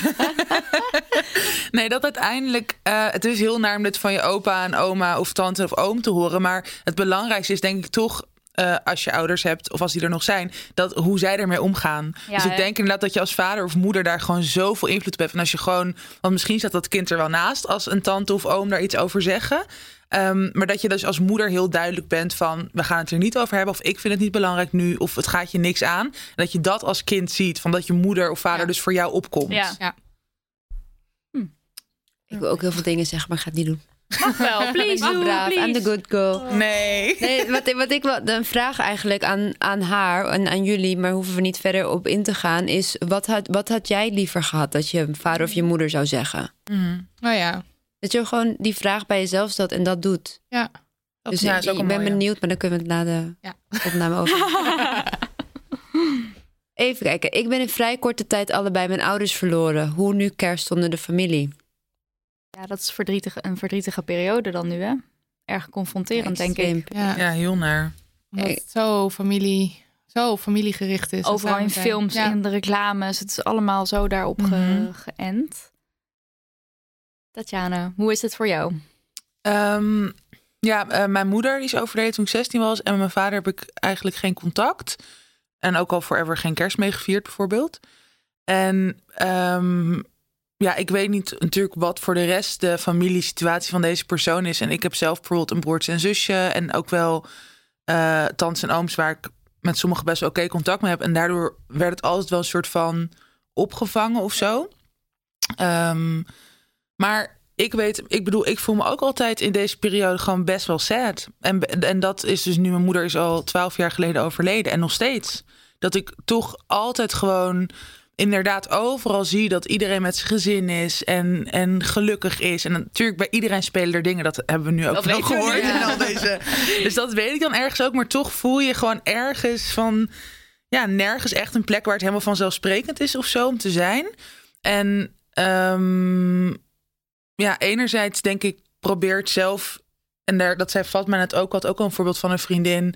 Eh, die het heel erg zelf met een eigen vriendengroep inderdaad probeert vorm te geven kerst. En dat heb ik zelf ook eh, gedaan, regelmatig. En soms echt ook wel op de kerstdagen dat je bij een familie van een vriendin aansluit bijvoorbeeld. Of ehm, ja, dus de dagen rondom kerst dan met je vrienden bent. Maar kijk, niks is ideaal. Dat kan ook denk ik gewoon niet en dat hoeft dus ook niet. En ehm, ja, je mag je natuurlijk ook gewoon verdrietig of last voelen. Ik denk, ja, dat, dat kan ook bijna niet anders. En eh, ja, dus enerzijds erg proberen om voor jezelf gewoon het zo fijn en comfortabel mogelijk te maken. En met mensen te zijn waar je ehm, waar dat allemaal mag zijn. En aan de andere kant het ook gewoon ergens proberen te accepteren dat het nooit fantastische dagen zullen zijn, waarschijnlijk. En dat dat, dat ja, dat er ook mag zijn. En eigenlijk ook vooral voor alle andere mensen, eh, niet per se alleen in haar omgeving, maar gewoon in iedereen die luistert van, denk eens na, wie heb ik in, een, in mijn omgeving? Kan ik iemand uitnodigen? Kan ik iets van een rol spelen? Ja. In iemands eh, leven? Ja, of dus, iemands eh, kerst? In plaats van helemaal je te zwelgen in je eigen kerststress. Toch eens Ja. eventjes om je heen te kijken. En Ja, en kijk, als jouw kerstdagen nou van voor tot eind eh, vol zitten al met eh, nou, bijvoorbeeld schoonfamiliebezoek, zoals jij Fatma, dan kan je misschien niet zo snel zeggen van nou, ga met mij mee. Maar misschien dat andere mensen denken, oh ja, op tweede kerstdag doe ik eigenlijk... Oh, ik heb het trouwens zelf een keer gedaan. Komt opeens Oh terug. ja, ik heb een keer zo. op tweede kerstdag, toen had ik niks. En toen heb ik samen met een vriendinnetje op, toen was Facebook nog helemaal de shit, op Facebook gezet van iedereen die, we noemden het lonerkerst, iedereen die zoiets heeft van nou, ik heb eigenlijk niet echt wat vanavond. En we hadden zo'n speciale avond. Het was echt heel erg leuk. Daar er waren kwamen toch ook iets mensen van, op af die Ja. je helemaal niet zo goed kenden ja, ook. gewoon mensen die je dan misschien twee jaar geleden of zo eh, ergens had ontmoet. Want op Facebook heb je allemaal van die ook wel Ja, vage vrienden. mensen. En ik denk dat we uiteindelijk met een stuk of acht mensen. Dat was een heel bijzondere, leuke, fijne avond uiteindelijk. En we hadden mooi. redelijk simpel gekookt. En er was iemand die had zelfs eh, wat cadeautjes van thuis. Gewoon dingetjes die hij niet meer gebruikte. Had hij ingepakt in kranten. het was echt zo bijzonder. Dus dat, kan, dat kan ook, ja. En ik misschien ook wel ehm, actief informeren van... Hey, ehm, eh, wil je het daar even over hebben? Want ik kan me voorstellen dat het, dat het ook een onderwerp is wat mensen ac- actief gaan vermijden. Juist Ja, van, oh, het gewoon daar niet moeilijk over hebben, want het is moeilijk. Pijnlijk, ja. Ja. Ehm, want als iemand het zou vragen aan jou, zou je dat vervelend vinden? Of zou je dat juist... Nee, ik zou dat zelf heel fijn vinden, want ik het zelf nog steeds best wel moeilijk vind om het daarover te hebben. Hm, ja. Omdat ik dus. ehm, nou, ook omdat ik dus ook weer niet zorg in een situatie dat ik echt helemaal niks of niemand heb. Ik heb ook best wel lang een relatie. Ik ga ook altijd naar de schoonfamilie. Dus eigenlijk zit mijn kerst meestal best wel vol. Mhm. Maar ja, wat ik net ook al zei, ik ben eigenlijk wel die week meestal gewoon best wel verdrietig. Alleen omdat het dan al zo lang geleden is, dan voelt het altijd een soort van ja, heb ik wel het recht om hier nog, weet je wel, aandacht voor te vragen of zo. Ehm, en ik kan me voorstellen dat het ook misschien dus wel anders is als je dan net je ouders bent verloren. Maar ik denk dat. En ook als, je, als het niet fijn voelt of, of het gaat wel goed, dan kan je dat natuurlijk makkelijker zeggen als iemand iets vraagt. Dan dat iemand nooit iets vraagt. En dat je dus altijd zelf soort van. Die, die ruimte in moet nemen om het daarover te Ja. hebben. Ja. Want ja, dan, ja. en als, als, als jij geïnteresseerd bent in iemand anders, kan je natuurlijk ook zeggen: wil je het daarover hebben? Precies. Ja. ja. Om, om echt alles, om te voorkomen dat iemand gaat praten over iets waar je niet over wil praten. Ja, precies. Ja. Ja, want het kan ook fijn zijn, kan ik me voorstellen, om even wat herinneringen op te halen. Van, oh, en met mijn moeder deden we altijd dit. En dat is dan nu niet meer. En het is al even geleden, maar het is toch fijn om daar heel even bij stil te staan. Mijn, mijn eigen ouders, die zetten geloof ik vaak een bloemetje bij de foto's van de mensen die er niet meer zijn. Oh, mooi. Met kerst en ook oeh, met verjaardagen en zo. Gewoon heel even die aandacht besteden aan mensen. Ja. Oké, de ene laatste toch? Marilotte, heb jij hebt nog één? eh, ja. Ja, ik heb nog een hele lange Een pistol. kiezen voor jezelf of familie. Een soort vraagteken stellingssituatie. en dan komt de opmerking: joh, het is maar even. Doe gezellig voor familielid X, Y, Z. Dus altijd maar je aan moeten passen aan die ander die ehm, blijkbaar meer waard is of zo. Het is een beetje zoals de anti-gay opa. Ja. Dus dan moeten we voor anti-gay Iedereen opa moet moeten we dan alsof allemaal maar doen alsof we niet gay zijn. Want Iedereen moet er maar anti-gay omheen opa. tippelen. Zo, ja. Eikel opa. De eikel-opa. De anti-gaye eikel-opa. Of we mogen het niet hebben over zware onderwerpen, want het moet Ja. gezellig blijven. Ja. Denk aan racisme, nou, ja, seksisme, seksisme, politiek. politiek. politiek. Ja. Misschien dat ene familielid moet misschien maar gewoon eens een keer niet naar kerst komen. Is dat de oplossing? Gewoon niet uitnodigen. Ja. Oh, maar jij had hier een grappig advies over. Ja, ik had dus bedacht dat eh, mensen maken dan ma- maken grappen. Seksistische, racistische, whatever. Mensen maken kutgrappen. En dan zeg jij er wat over. En dan zegt iemand anders, nou hè, we hou- laten we het wel gezellig houden. Ga nu niet...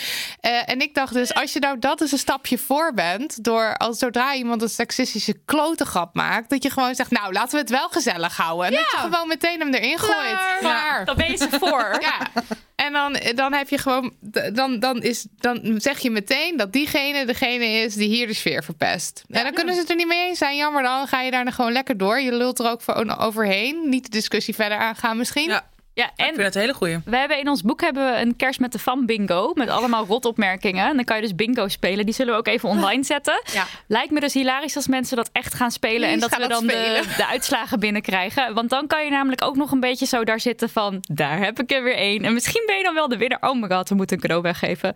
We moeten een cadeau weggeven aan degene die de bingo...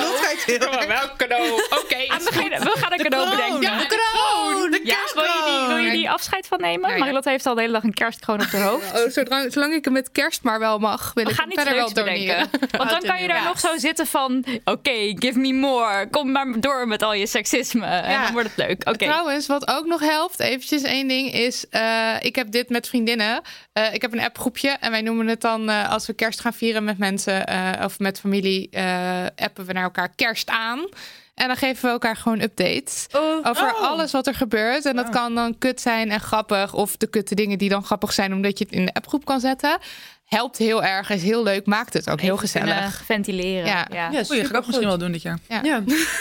Nice. Oké, het epistel. Epistel? Epistel. Zie, ga je. Nobelprijs. Bestel. Oké. Wat mij opvalt tijdens het eten met de familie van mijn vriend, is dat vaak alleen de vrouwen helpen met het voorbereiden, klaarzetten en opruimen van het eten.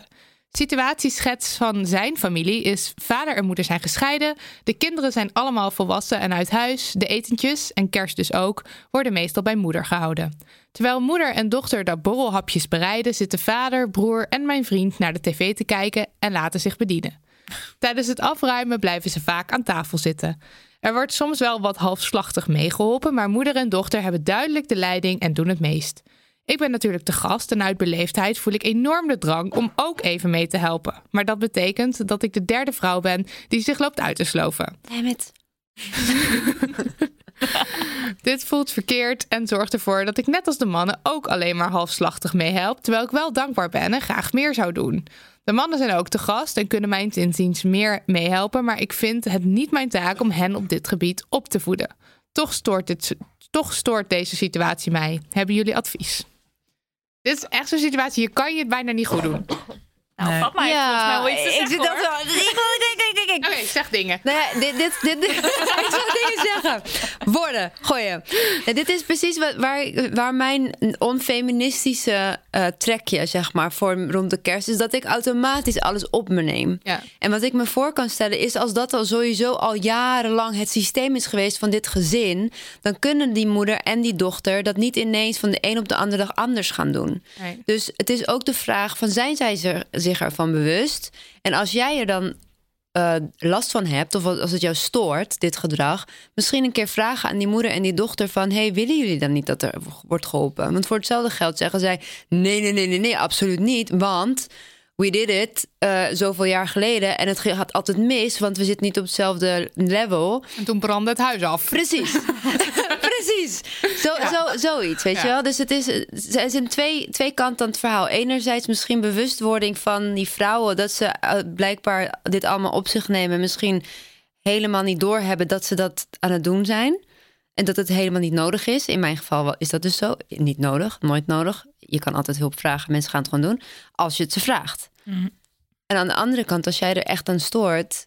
be- bemoei je ermee. Ga vragen stellen. Maar ergens irriteert het me dus ook dat. Ehm, niet, om, niet om jouw mensen af te vallen, maar dat je er dus om moet vragen. Want ja. jij hebt meteen al, eh, neemt automatisch van alles op je. En jouw vriend bijvoorbeeld niet. Je moet wel even vragen, wil je dit doen? Dat is toch geen probleem, dat is leuk. Maar eigenlijk zou dat bij allebei automatisch moeten gaan. En dat je er eventjes tegen elkaar zegt, nou, het is bijna kerst. Wat Eh, wat moet er? Wat gebeuren? doen? En wie Ja. gaat wat doen? Maar dat is ook niet iets wat gebeurt. Maar dat is in, in het meest ideale geval is dat zo. Maar zeg maar in mijn persoonlijke situatie. Ik kom uit een Turks gezin. Zij zijn in de jaren zeventig naar Nederland verhuisd. Ze komen uit een superklein dorp. Dus het systeem van het gezin is gewoon al honderden jaren zo. Dus zeg maar, ik ben de eerste die daarin een ander voorbeeld kan geven. Ja. En, en dat is zeg maar altijd, die context is zo belangrijk. Dat enerzijds hebben we te accepteren dat we ergens vandaan komen. En ook hier in Nederland is het dus duidelijk zo dat er gewoon dit soort rollen gewoon Ja. heel steady zijn. Ja. En die moeten we gewoon op lieve manier met vragen stellen, nieuwsgierigheid een beetje opschudden. Of soms En- een grap maken kan ook wel werken. Ik zeg ook best wel vaak, hey, eh, naar, naar mijn vriend toe dan bijvoorbeeld. Als we bij zijn familie zitten. Want dit gaat ook wel vaak zo. Of in ieder geval, dat ze, ja, soms doen ook wel zijn ouders dan het als enige of zo. Maar dan degene die gaan helpen zijn altijd de vrouwen. Ja. En dan zeg ik ook tegen mijn vriend van... eh yo, kan jij nu even iets doen? Ja. Dat kan soms ook helpen. En dan weet je wel, wordt het ook wel vaak een soort van halve grap. Of, eh, maar Ja, sowieso Ja. kan zij met haar vriend samen een team vormen. precies. Dus dat je het eerst al met je vriend over hebt Ja, eigenlijk. ja. Zij kan zeggen van, eh, nou, wij gaan samen nu de afwas doen. Ja. Blijven jullie maar lekker zitten. Of wij gaan nu een rondje koffie en thee voor iedereen verzorgen. Ja. Dat je even een taakje eruit haalt. Want ik, ehm, mijn eigen moeder die heeft zelf ook heel erg zo van... dit moet gebeuren, dit, ge- dat, ze- je kan niet bij haar gaan inbreken van... en nu ga ik je even helpen. Dat is voor haar ook eigenlijk vervelend. Ja, Iedereen ja. zegt ook altijd, Ja. ga nou lekker zitten. En dat is ook niet een leuke opmerking voor haar. Ja. Want zij wil ook die rol heel erg innemen. Ook al is het misschien stressvol. Maar zoiets als de afwas, dat kan dus wel even iemand anders overnemen. Dat accepteert ze ook. Oh, Dus je kan ook zoeken naar iets van... Dat rondje koffie thee zal doen. misschien wel Ja. iets kunnen zijn... wa- wat een moeder makkelijk los kan laten. Ja, het, is vaak, het is ook wel soms inderdaad, als jij zegt, mijn moeder doet dat, mijn oma deed dat ook altijd, een manier om een soort van eh, om te gaan met de situatie van zoveel mensen Ja, op en dat ook moment. willen zorgen. Hè? Ja, dus het ook heel leuk vinden om het heel dan fijn voor rol. iedereen te maken. En dan Mhm. moet je de hele tijd daarmee Ja. bezig zijn. En als je dan opeens neergezet wordt, dan zit je daar en dan heb je de hele tijd het gevoel dat je dingen moet doen. Dat Ja, is en je verliest controle. leuk, ja. Wat lastig kan zijn voor Ja. mensen. Ja.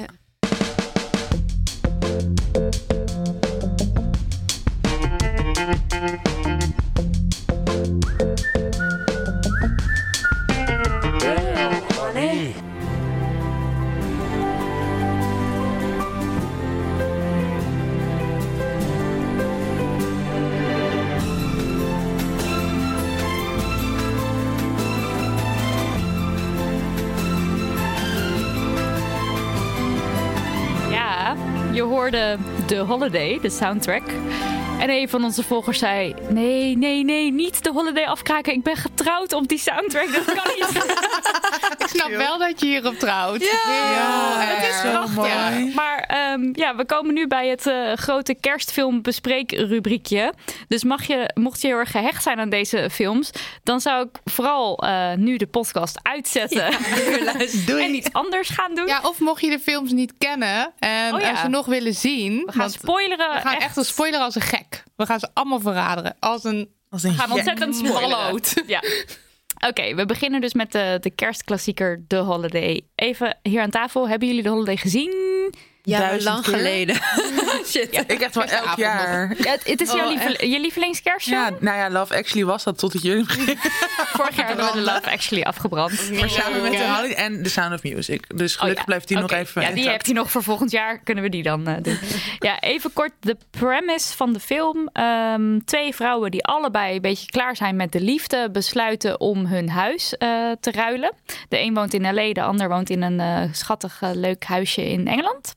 En dan ehm, nou ja, gaan ze daar eh, leven. En ze hebben eigenlijk allebei heel erg zoiets van... ik wil geen man zien. Maar uiteraard komen er allerlei romantische situaties op hun pad.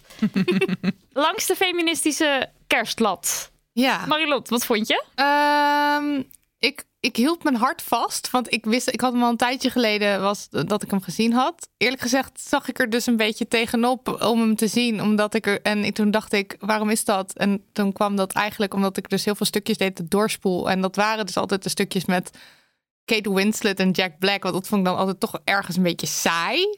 Was Ja, niet, ze waren niet knap genoeg in Ze jouw... waren eh, niet knap genoeg in mijn ogen. Ja. Oh my god. Ik erg hè? Nou, Ja? ik, ik vond dit ook een Oh, oh. onfeministisch ding van mezelf. Maar ik heb hem dus gisteren gekeken en ik vond nu hen dus veel leuker. Ja, Maar blijkbaar mijn, Met dat mijn- oude opaatje. ja heel leuk. Maar mijn tiener zelf blijkbaar of zo wilde er niet aan. Die wilde alleen maar de, Ja. de mooie dingen. Nou, maar en ehm, ehm, ik vond het eerlijk gezegd wel meevallen als je hem langs de feministische lat legt. Eh, Jude Law huilt heel veel. Eh, heeft, het, eh, de- heeft het veel over gevoelens en zo. Vond, ik- vond ik leuk. Ja, hij zorgt voor Ja. twee kinderen. Eh, ik vond de, de, de seksscènes die erin zitten, ze allemaal met BH. Dat is erg flauw. Zo flauw. Ik gaf ook een mega... Daniel en ik zaten samen te kijken. We deden echt zo'n blik naar elkaar van oh. Want dan zie je dus, zit tieten zien. klaar met de seks. En dan liggen ze allebei onder een deken. Cameron Diaz heeft er BH aan. Ja, zo, zo flauw. Preuts of zo. Ja. Ja, maar ja, dat zijn toch wel ook Amerikaanse comedies. Ja. Dat, is, gewoon- dat is wel altijd, toch? Ja, maar dat Niet is dat dat goed is. probleem. Ja, nee, dat is ook zo. Nee, oké, ja. Ja, het is gewoon altijd. Zo is de wereld gewoon. Ja, en, nee. en klaar. En eh film is hartstikke wit. Ja. Ja, Echt, echt. Ja. eh, ze- Totaal. maar ook op wat je, eh, de mensen die je op de achtergrond ziet lopen, zijn echt niet. eh, daar is niks van diversiteit te zien. Maar goed, daar kan je ook merken dat het een oude film is. Ja. en heel heteronormatief, toch? Heel heteronormatief. Ja, er zit niks. eh, nee, Nee. en ook over nadenken, er zit echt niks in wat eh, enigszins eh, iets anders is dan. Ik, ik had dus net de Love Actually ehm af, afkraakscène teruggeluisterd van eh, onze eigen podcast. En ik had dus dat net gehoord en toen de Holiday gekeken. En toen vond ik het allemaal wel meevallen. Toen zei ik, nou, het is best oké. Daniel was het er niet mee eens. Die vond het heel erg niet feministisch. Omdat het allemaal toch heel erg... Het plot gaat heel erg wel om... eh, De man vinden. De man vinden, Ja. inderdaad. En eh, eigenlijk zorgen de mannen ook voor allerlei veranderingen in hun levens. Dus Ja. Cameron Diaz kan niet huilen, maar dan vindt Ja. ze hem en dan kan ze wel huilen. En eh, Kate Winslet, die ehm, eh, heeft ook zo, die heeft die oude man eigenlijk nodig voor de wijsheid van meid en je mag er gewoon zijn en Ja. dat- eh. Ehm, als je kijkt naar de Bechdel-test, dat is dus het idee dat er in een film twee vrouwen die allebei een naam hebben met elkaar praten over iets wat niet een man is, dan voldoet die film er soortement aan. De- het internet is er een beetje over. ehm, Ja, over in, in conclave. Ja, want, eh, Het in gaat over mannen. Ja, maar het Dat is. ze... Ja, en, eh, want de Bechdel-test is als twee vrouwen met elkaar in gesprek zijn. Hè? Ja, maar wel zover ik weet met een naam. En wat er dus in zit qua scènes is dat Cameron Diaz met een cachère praat. En die zegt dan, zo ga je een feestje houden vanavond. Want Oh, ja. Cameron Diaz koopt heel veel eten. Ook een kutopmerking trouwens. Eh, ja. en Cameron, daarvoor zegt Cameron Diaz al zoiets van... oh, dan kan ik eindelijk gewoon lekker al die kool- koolhydraten eten. Dat vind, vond ik ook heel irritant. Ehm, nou, dat gesprekje is er. En zij heeft ook later een gesprek met de dochters van Jude Law. Maar die is wel daarbij. Ja, maar hij zegt niks. Nee, maar het gaat wel over... Ja. En het gaat ook niet over Het hem, is niet over hem. En dus zou het dan de Bechdel-test wel... eh, maar echt op het nippertje. Ja. En eh, zij hebben op een gegeven moment samen een chatgesprek over dat huis. En dat is eigenlijk ook een, dat is ook, dan, is ook oké. Maar dan helemaal op het eind, dan vraagt Cameron, Cameron wel Are van, zijn er mannen? Ja, Ja. zijn er mannen Ja, in jou? ja, dus ja. dan gaat het toch wel weer over mannen. Maar en het is toch wel inderdaad, het eind is pas, het is pas goed als ze allebei een man hebben. En precies. zij met z'n allen nieuwjaar vieren of Ja. oudjaar. Ja, Ja.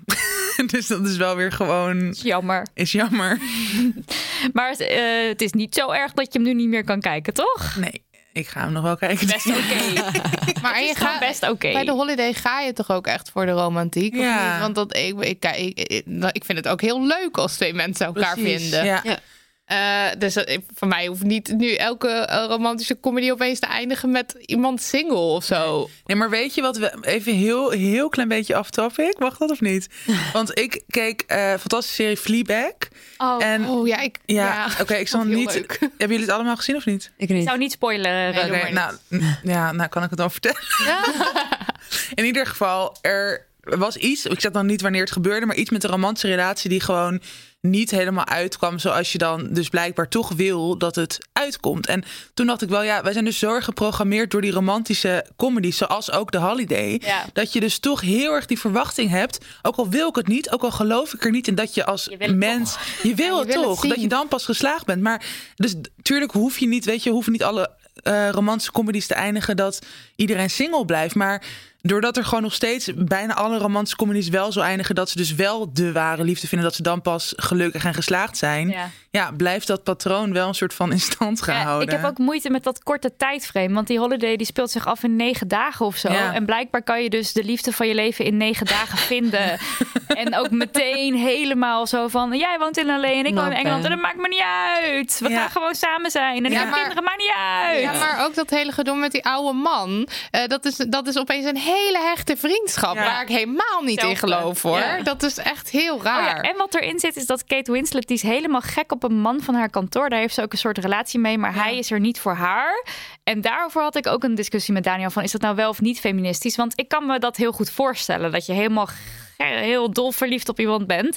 En dat diegene jou elke keer een beetje geeft, maar niet alles, waardoor je toch aan iemand blijft hangen. Is dat niet feministisch? Nou ja, het is ook gewoon het is je het leven. Ja. Ja, maar eventjes hè. Ja, niet als het echt te kijken. maar deze man is wel echt een lul. Deze man is een lul. Ja, Op dat is toch gewoon mental manier abuse. Dat is ook zo. Ja, dat het is is ook zo. mental abuse. Want hij is ook Ja. gewoon verloofd, hè? Klopt. Of tenminste, hij- daar, Ja, dat weet zij dan niet. Dat weet zij dan niet, maar Ja.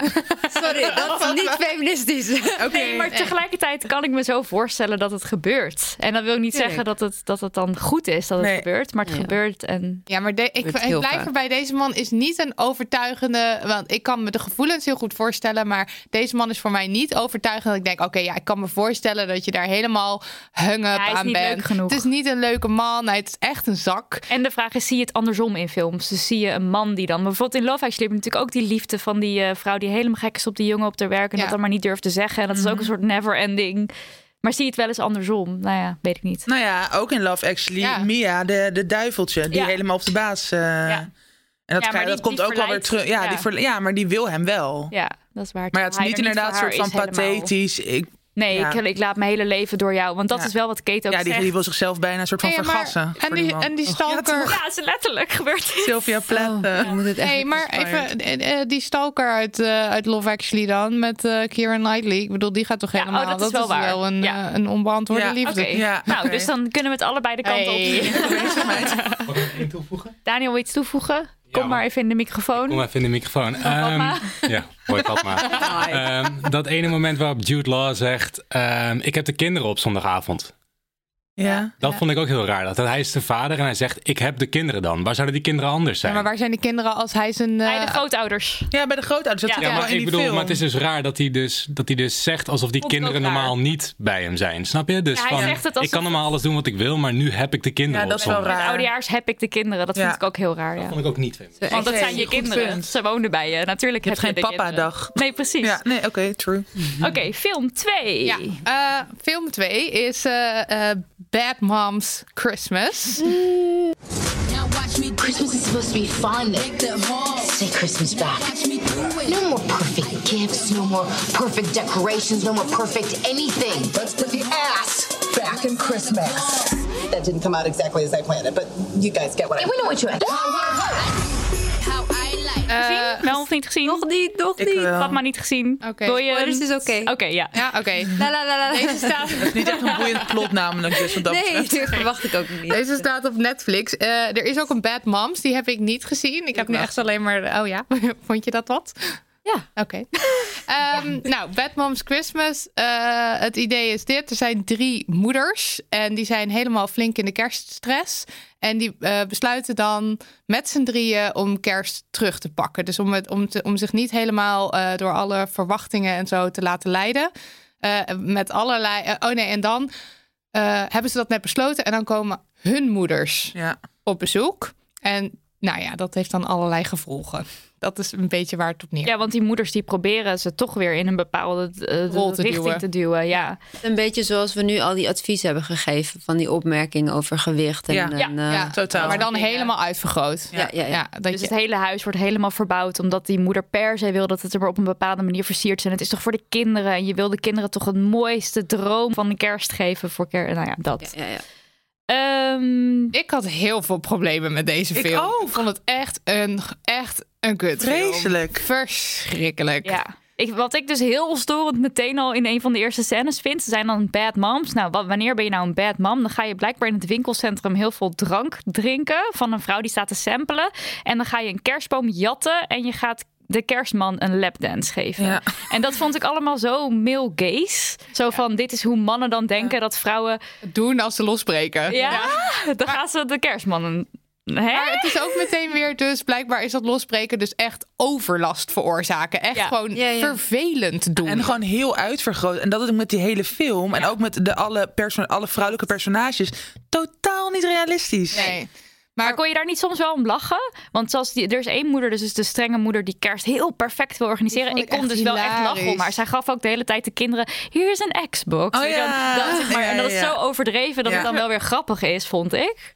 Ja, ik vond, ik Ja. vond zeg maar, als je, dan, als je dan toch die grote, die, een, die echt die overdreven typetjes doet, d- dan waren er een aantal echt perfect gespeeld. Dat Ja. vond ik wel. En ook die, die ene actrice die dan masseuse is of zo. Ja, die is die gewoon best wel Alleen maar bezig met seks is zij. Ja. Ja. En wat ik daar typisch aan vind, ehm, is dat haar zoon is dan ook meteen... Zij is dus een single mom die heel erg met seks bezig is en dat ook heel erg uit. En haar zoon is dan ook meteen een jongen die dan een beetje een soort zul is.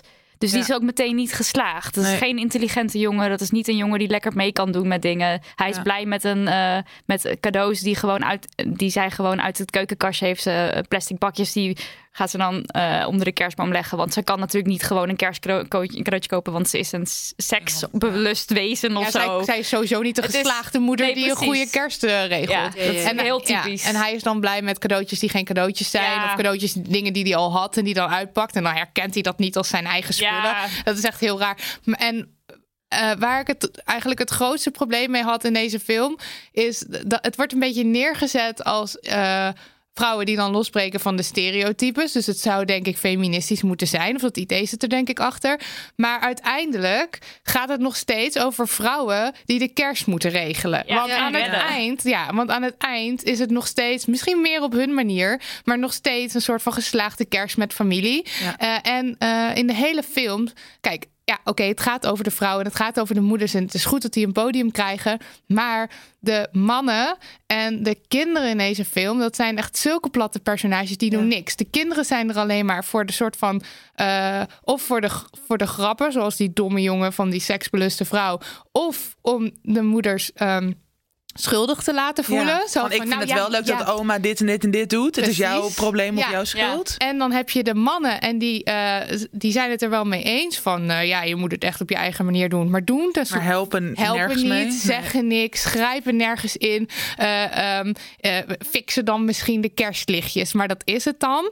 Eh, en, voor, en, en ik bedoel, waar zijn de mannen en waar zijn de kinderen... en waar is de, waar is de gelijkwaardigheid dan die we zoeken? Ja, en ook het opkomen voor jezelf. Dat stoorde me er ook aan. Want op een gegeven moment heeft dan eh, een van de hoofdpersonen... die dus die strenge moeder heeft... Mila Curtis... M- Kunis? Mila Kunis? Ja, Mila Kunis. Geen idee. Erg. Ehm, zij heeft dan een gesprek met haar vader. Haar vader is ook zo'n sul die maar net achter de moeder aanloopt en zelf totaal geen eh, mening of ruggengraat heeft. En dan zegt die vader van, ehm, ja, maar zij, jouw moeder heeft een moeilijke jeugd gehad. En hij zegt, eh, forgive her, get to know her. Ze is eigenlijk een heel funny, sweet, beautiful person. En eigenlijk zegt hij: Jij moet beter je best doen. Ja. Jouw moeder is een hartstikke leuk mens. Het is jou. Jij moet nu leuk tegen haar doen. Want Terwijl zij die is moeder zielig. echt door de Die hele film heen echt echt een hoor. Ja, Ja. het is niet een beetje. Het is echt Het een rotmens. en dan naar. vervolgens gaat ze dus ook met die moeder praten. En dan is het ook van. eh, en oké, je bent niet perfect, maar ik hou van je, zoiets. Terwijl Ja, ik denk van waar is, het, waar is het ding van grenzen aangeven en zeggen van ja, maar dit is gewoon niet oké. En dat, Ja. dat past natuurlijk niet in zo'n comedy. Maar- Maar, dat stoorde me wel heel erg. En de therapeut, de therapeut doet hetzelfde, Ja. Hè? Want die zegt op een gegeven moment, ja, weet je wat er is gebeurd? Jij werd geboren en toen ging jij niet slapen. Ja, en toen, eh, kreeg, eh, toen eh, sliep je moeder ook niet. Oh en toen ja, werd je dus gek. Dat jouw zeg maar schuld. wat- ja, dat is dus- wat die therapeut Ja. zegt. Oh my god, dat is Ja, en die moeder die kan ook niet de naam van haar vriend onthouden. En dan thanks for almost learning his name, zegt dus die eh, Mila op het eind. Ja. Want dan zegt ze het ongeveer goed. Dan denk ik echt van, wauw, zijn dit de standaarden waar we Makkelijk. mee moeten Ja. Diversiteit was hier ook trouwens eigenlijk Ook niet. weer heel Nee. slecht. Ja. Heel Ja. slecht. Maar ook gewoon en uh, alleen... heteronormatief weer. Ja. En vetshaming, want Ja. eh, er staat op een gegeven moment een dikke Santa staat te dansen op eh, de bar. En dan is al die vrouwen in het Pak publiek. uit en iedereen walgt ervan. Ja. Ja. Dus nee, ik Ja, vond het wel grappig dat de man dus nu een keer heel erg geseksualiseerd wordt, hè? Ja, De- dat vond ik wel leuk. Maar ook raar. Maar ook, ik zeg maar niet raar. Want ik, hou, combinatie. ik, hou niet, ik hou gewoon niet van dat geseksualiseerd, denk Überhaupt, ik. Gewoon ja. omdat... eh, Wel weer een films- voorbeeld van weer. eh, zij gaat zijn ballen harsen. En zo wordt ze verliefd op hem. Hij is een soort stripper, geloof ik. Ja, hij is een stripper. Eh, en ehm he's the one. Echt, je hoeft één keer iemands ballen te harsen. En je, bent, Ja. je weet gelijk, net als bij de holiday... Je hoeft maar één keer iemand te ontmoeten en je weet gelijk, dit is het. Maar ik heb een paar keer hardop gelachen, dan wel. Ja, om die moeder moest Ja, om het. die Ja. moeder. Oké. Ja. Film 3. Nu in die bioscoop, Last Christmas. Dus dit is er eentje waar we echt gaan spoilen. Want er zit een behoorlijk plot twist in. Nou, ik ben en benieuwd. daar gaan we het dus over hebben. Dus zet hem nu uit als je deze film graag nog wil zien. Ja, nu. Wat een kutfilm. Lydia was zo boos. Oké, eigenlijk het minst feministische wat eigenlijk deze week gebeurde, maar wat ik niet kan zeggen vanwege de spoiler, is uh, we wisten van tevoren dat de, de, de, hoofdpersoon single ging eindigen. Want iemand had ons gestuurd, je moet die film kijken, het is een goede feministische film. Zij gaat single eindigen. Toen dacht ik al, shit, ik wil gewoon die romance. Ik wil die romance, ik wil die holiday, geef het me. Ik wil het inhaleren. Dus dat was eigenlijk het minst feministische. Maar um, kijk, deze film, het ziet er prachtig uit. Het is, je ziet Londen. Het gaat over een meisje die uh, daar woont. En zij is ziek geweest. En ze, woont, uh, ze werkt in een uh, winkel helemaal vol met allemaal kerstballen. Dus dat vind ik allemaal al enig. Hè? Dus die Londen wordt heel mooi weergegeven. Ja. En die kerstwinkel. En alles is heel kerstig. Dus dat is heel fijn, vind ik. Uh, en zij struggelt met van alles, dat is duidelijk. En ze probeert daar een beetje mee te dealen door um, uh, te gaan drinken, of in ieder geval bij, uh, bij mannen te gaan slapen. Ze is ook uh, soort van dakloos. soort van dakloos. Ja, niet helemaal. Ze kan bij haar ouders terecht, maar dat wil ze eigenlijk niet. Um, totdat ze dan een hele leuke jongen ontmoet. En je merkt eigenlijk al meteen, die jongen is wel erg is perfect. Ja. Zeg maar, hij verschijnt uit het niks en hij danst eigenlijk de hele tijd een beetje en neemt haar mee naar allemaal leuke cozy straatjes. Dus ik was in mijn nopjes, hè? Want ik hou dus hiervan, van deze romance en dat nep Londen. Want zo ziet Londen er natuurlijk niet uit. Londen nee. is ook vol met toeristen. Ja. ja.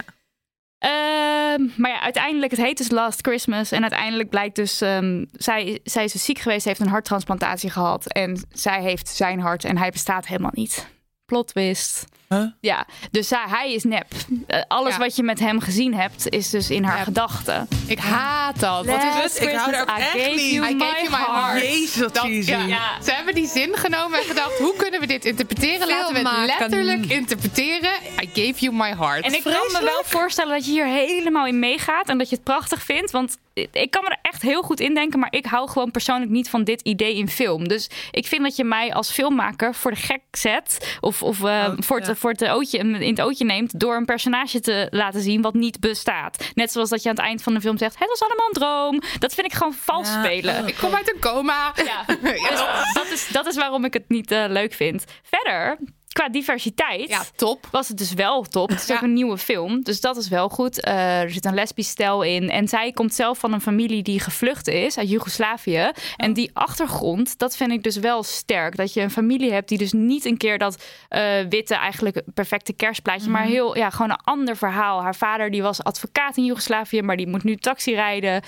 Dat vind ik heel goed dat daar aandacht aan wordt besteed. Emma Thompson speelt een moeder met overdreven accent. Daarvan ging ik dan gelijk weer van... Dat doet ze vaak. Is dat nou nodig? Ja. Waarom moet zij die rol? Zij heeft het ook geschreven. Dus waarschijnlijk Oh ja, dat ze, dat zij is een heel bekende actrice Ja, natuurlijk. En we lazen ergens, Ja. we lazen ergens ehm, op internet. eh, een- een- het is een beetje een film verpakt in een, een mooi papiertje van bijvoorbeeld diversiteit. Maar het is toch een soort van, ja, een beetje een, een drol. Uiteindelijk is het gewoon leeg. Want die, Ja. het verhaal is gewoon Het leeg. is een plat verhaal. Ja. eh, en en wat, wat dus ook, ik ben het dus helemaal niet eens met het ja, goede feministische film. Want ze eindigt single. Zou ze single eindigen? Als, die jongen had bestaat. bestaan, was zij echt niet single geëindigd. Want ze waren gewoon hartstikke verliefd op elkaar. Ja, het en wel. er worden aan het eind toch met een andere jongen worden de blikken gewisseld. Dus je weet dat, dat, dat als de film verder zou gaan, dat ze dan verliefd zou worden op die jongen.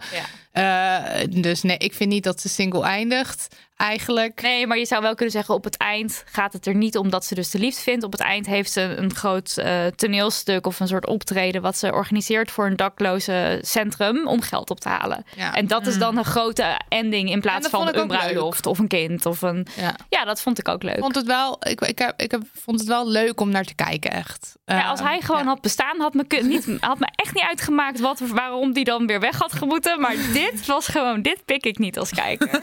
Maar qua feminisme, mwah, best oké. Best al oké. Allah. Ja. Wel een kutfilm. Ik, het, het doet me wel goed om te horen dat er zo'n verhaal is over een Joegoslavische familie. Ja. Dat, dat, dat alleen al vind ik ook gewoon wel punten waard eigenlijk. Nee, dat vind ik ook. Ja, En- vooral Joegoslavië. Want nou, daar komt toevallig mijn vader vandaan. Maar dat, ik bedoel, dat heb ik nog nooit ergens soort van gezien als random. achtergrond. Nee. Ja, en er zat ook duidelijk, dat heeft Emma Thompson denk ik ook heel bewust erin geschreven. Er zit een verhaal in, dan zie je dat daar eh, de moeder, dus Emma Thompson zelf, zit op tv te kijken naar iets over Brexit. En dan zegt ze van, eh, eh, we zijn hier niet welkom, we moeten allemaal weg. En dan eh, zit de hoofdpersonage, dus die, dat meisje zit in een bus. En dan is er weer iemand die heel racistisch eh, tegen mensen roept van, jullie horen hier niet zoiets. En dan zegt zij, ehm, gaat zij het gesprek aan met die mensen, zegt ze, jullie zijn hier wel welkom. En en dat is denk ik heel bewust erin geplant, omdat je natuurlijk wel nu ziet wereldwijd. Ehm, nou ja, met die Trump angst en, voor vluchtelingen. Ja, en Johnson Ja. en zo. Er, ge- er gebeurt gewoon heel veel shit. En daar hebben ze echt wel een statement willen maken. En dat Nou, vind ik dat er vind ik best wel tof eh, aan. tof. Ja. alleen dat is een beetje het ding van... het is jammer dat het aan zo'n leeg verhaal allemaal... Ja. Want je had het veel meer Had daar gewoon niet gehoeven. doen. Ja. Nee, dat had niet Maar, gehoeven. maar tegelijkertijd is het misschien ook dus een goed teken, omdat de, met kerst staat het vaak bol van die lege films. En dat het dus nu een film wordt gemaakt met, zo'n, met zoveel diversiteit en met een ander verhaal, Dat is wel maar fijn. nog steeds plat. Ja. Wil dan dus zeggen dat het misschien wat mainstreamer wordt, of in ieder geval dat Ja. we dat Ja. accepteren. Ja. Dat vind ik zeker wat voor te zeggen. Het doet me ook een beetje denken aan het meisje met de zwavelstokjes. Oh. ja. Dat is ook, zeg maar, die heeft allemaal supermooie beelden van kerst. Want ik vroeg me af, wat is het element kerst in deze film? Wat heeft dat te maken met het verhaal? Kan je niet gewoon het hele kerststuk eruit knippen? Had gekund, ja. Ja, ja had toch want zij werkt, ze, ze hebben haar dus in een kerstwinkel laten werken om dan toch heel erg die kerstvibe. En ze heeft ook een soort elfenpakje wat ze dus aan moet wassen. Ze heet het ook buiten de werk. Waarom heb je dat buiten je werk aan, meisje? maar verder is het Ja. niet een heel groot onderwerp. Het is meer de stad is gewoon heel kerstig. Ja, maar met de zwavelstokjes is het, is het dan ook een soort van... het gebeurt allemaal niet echt, maar in haar hoofd Ja. leeft ze kerst. Of zo, ja, ik weet niet. Ik weet niet, ik ben gewoon dingen aan het zeggen. Papa zegt dingen. Oké, nou. ehm, Ga al die ik films ga niet gewoon kijken. weer. Christmas Ja. Prince kijken hoor. Ik heb die nog nooit gezien. Super wit, super heteronormatief. Nee, Laat ik ga, die, eh, ik, ga die, ik ga die Deense Netflix-serie eh, kijken, Oh denk ja, ik. die Die, eh, waar een iedereen het over. Ja, heeft. Ja, ook ik zien, had er geen tijd meer voor. eh, om Hoe heet die film? of iets serie? Iets met de H, ja. Iets met begin. een H. Over de brug? Nee, dat is niet van Netflix. Nee, het is een nieuwe. Oh. Nee, het gaat over een meisje die een vriend bedenkt, geloof Ja, bedenkt, ik. ja. zo Alweer? van, dan heeft ze in ieder geval, ja, heeft ze in ieder geval iemand om mee naar huis te nemen. Maar we kregen deze getipt door heel veel mensen. Alleen we hadden zelf geen tijd om hem helemaal meer te kijken.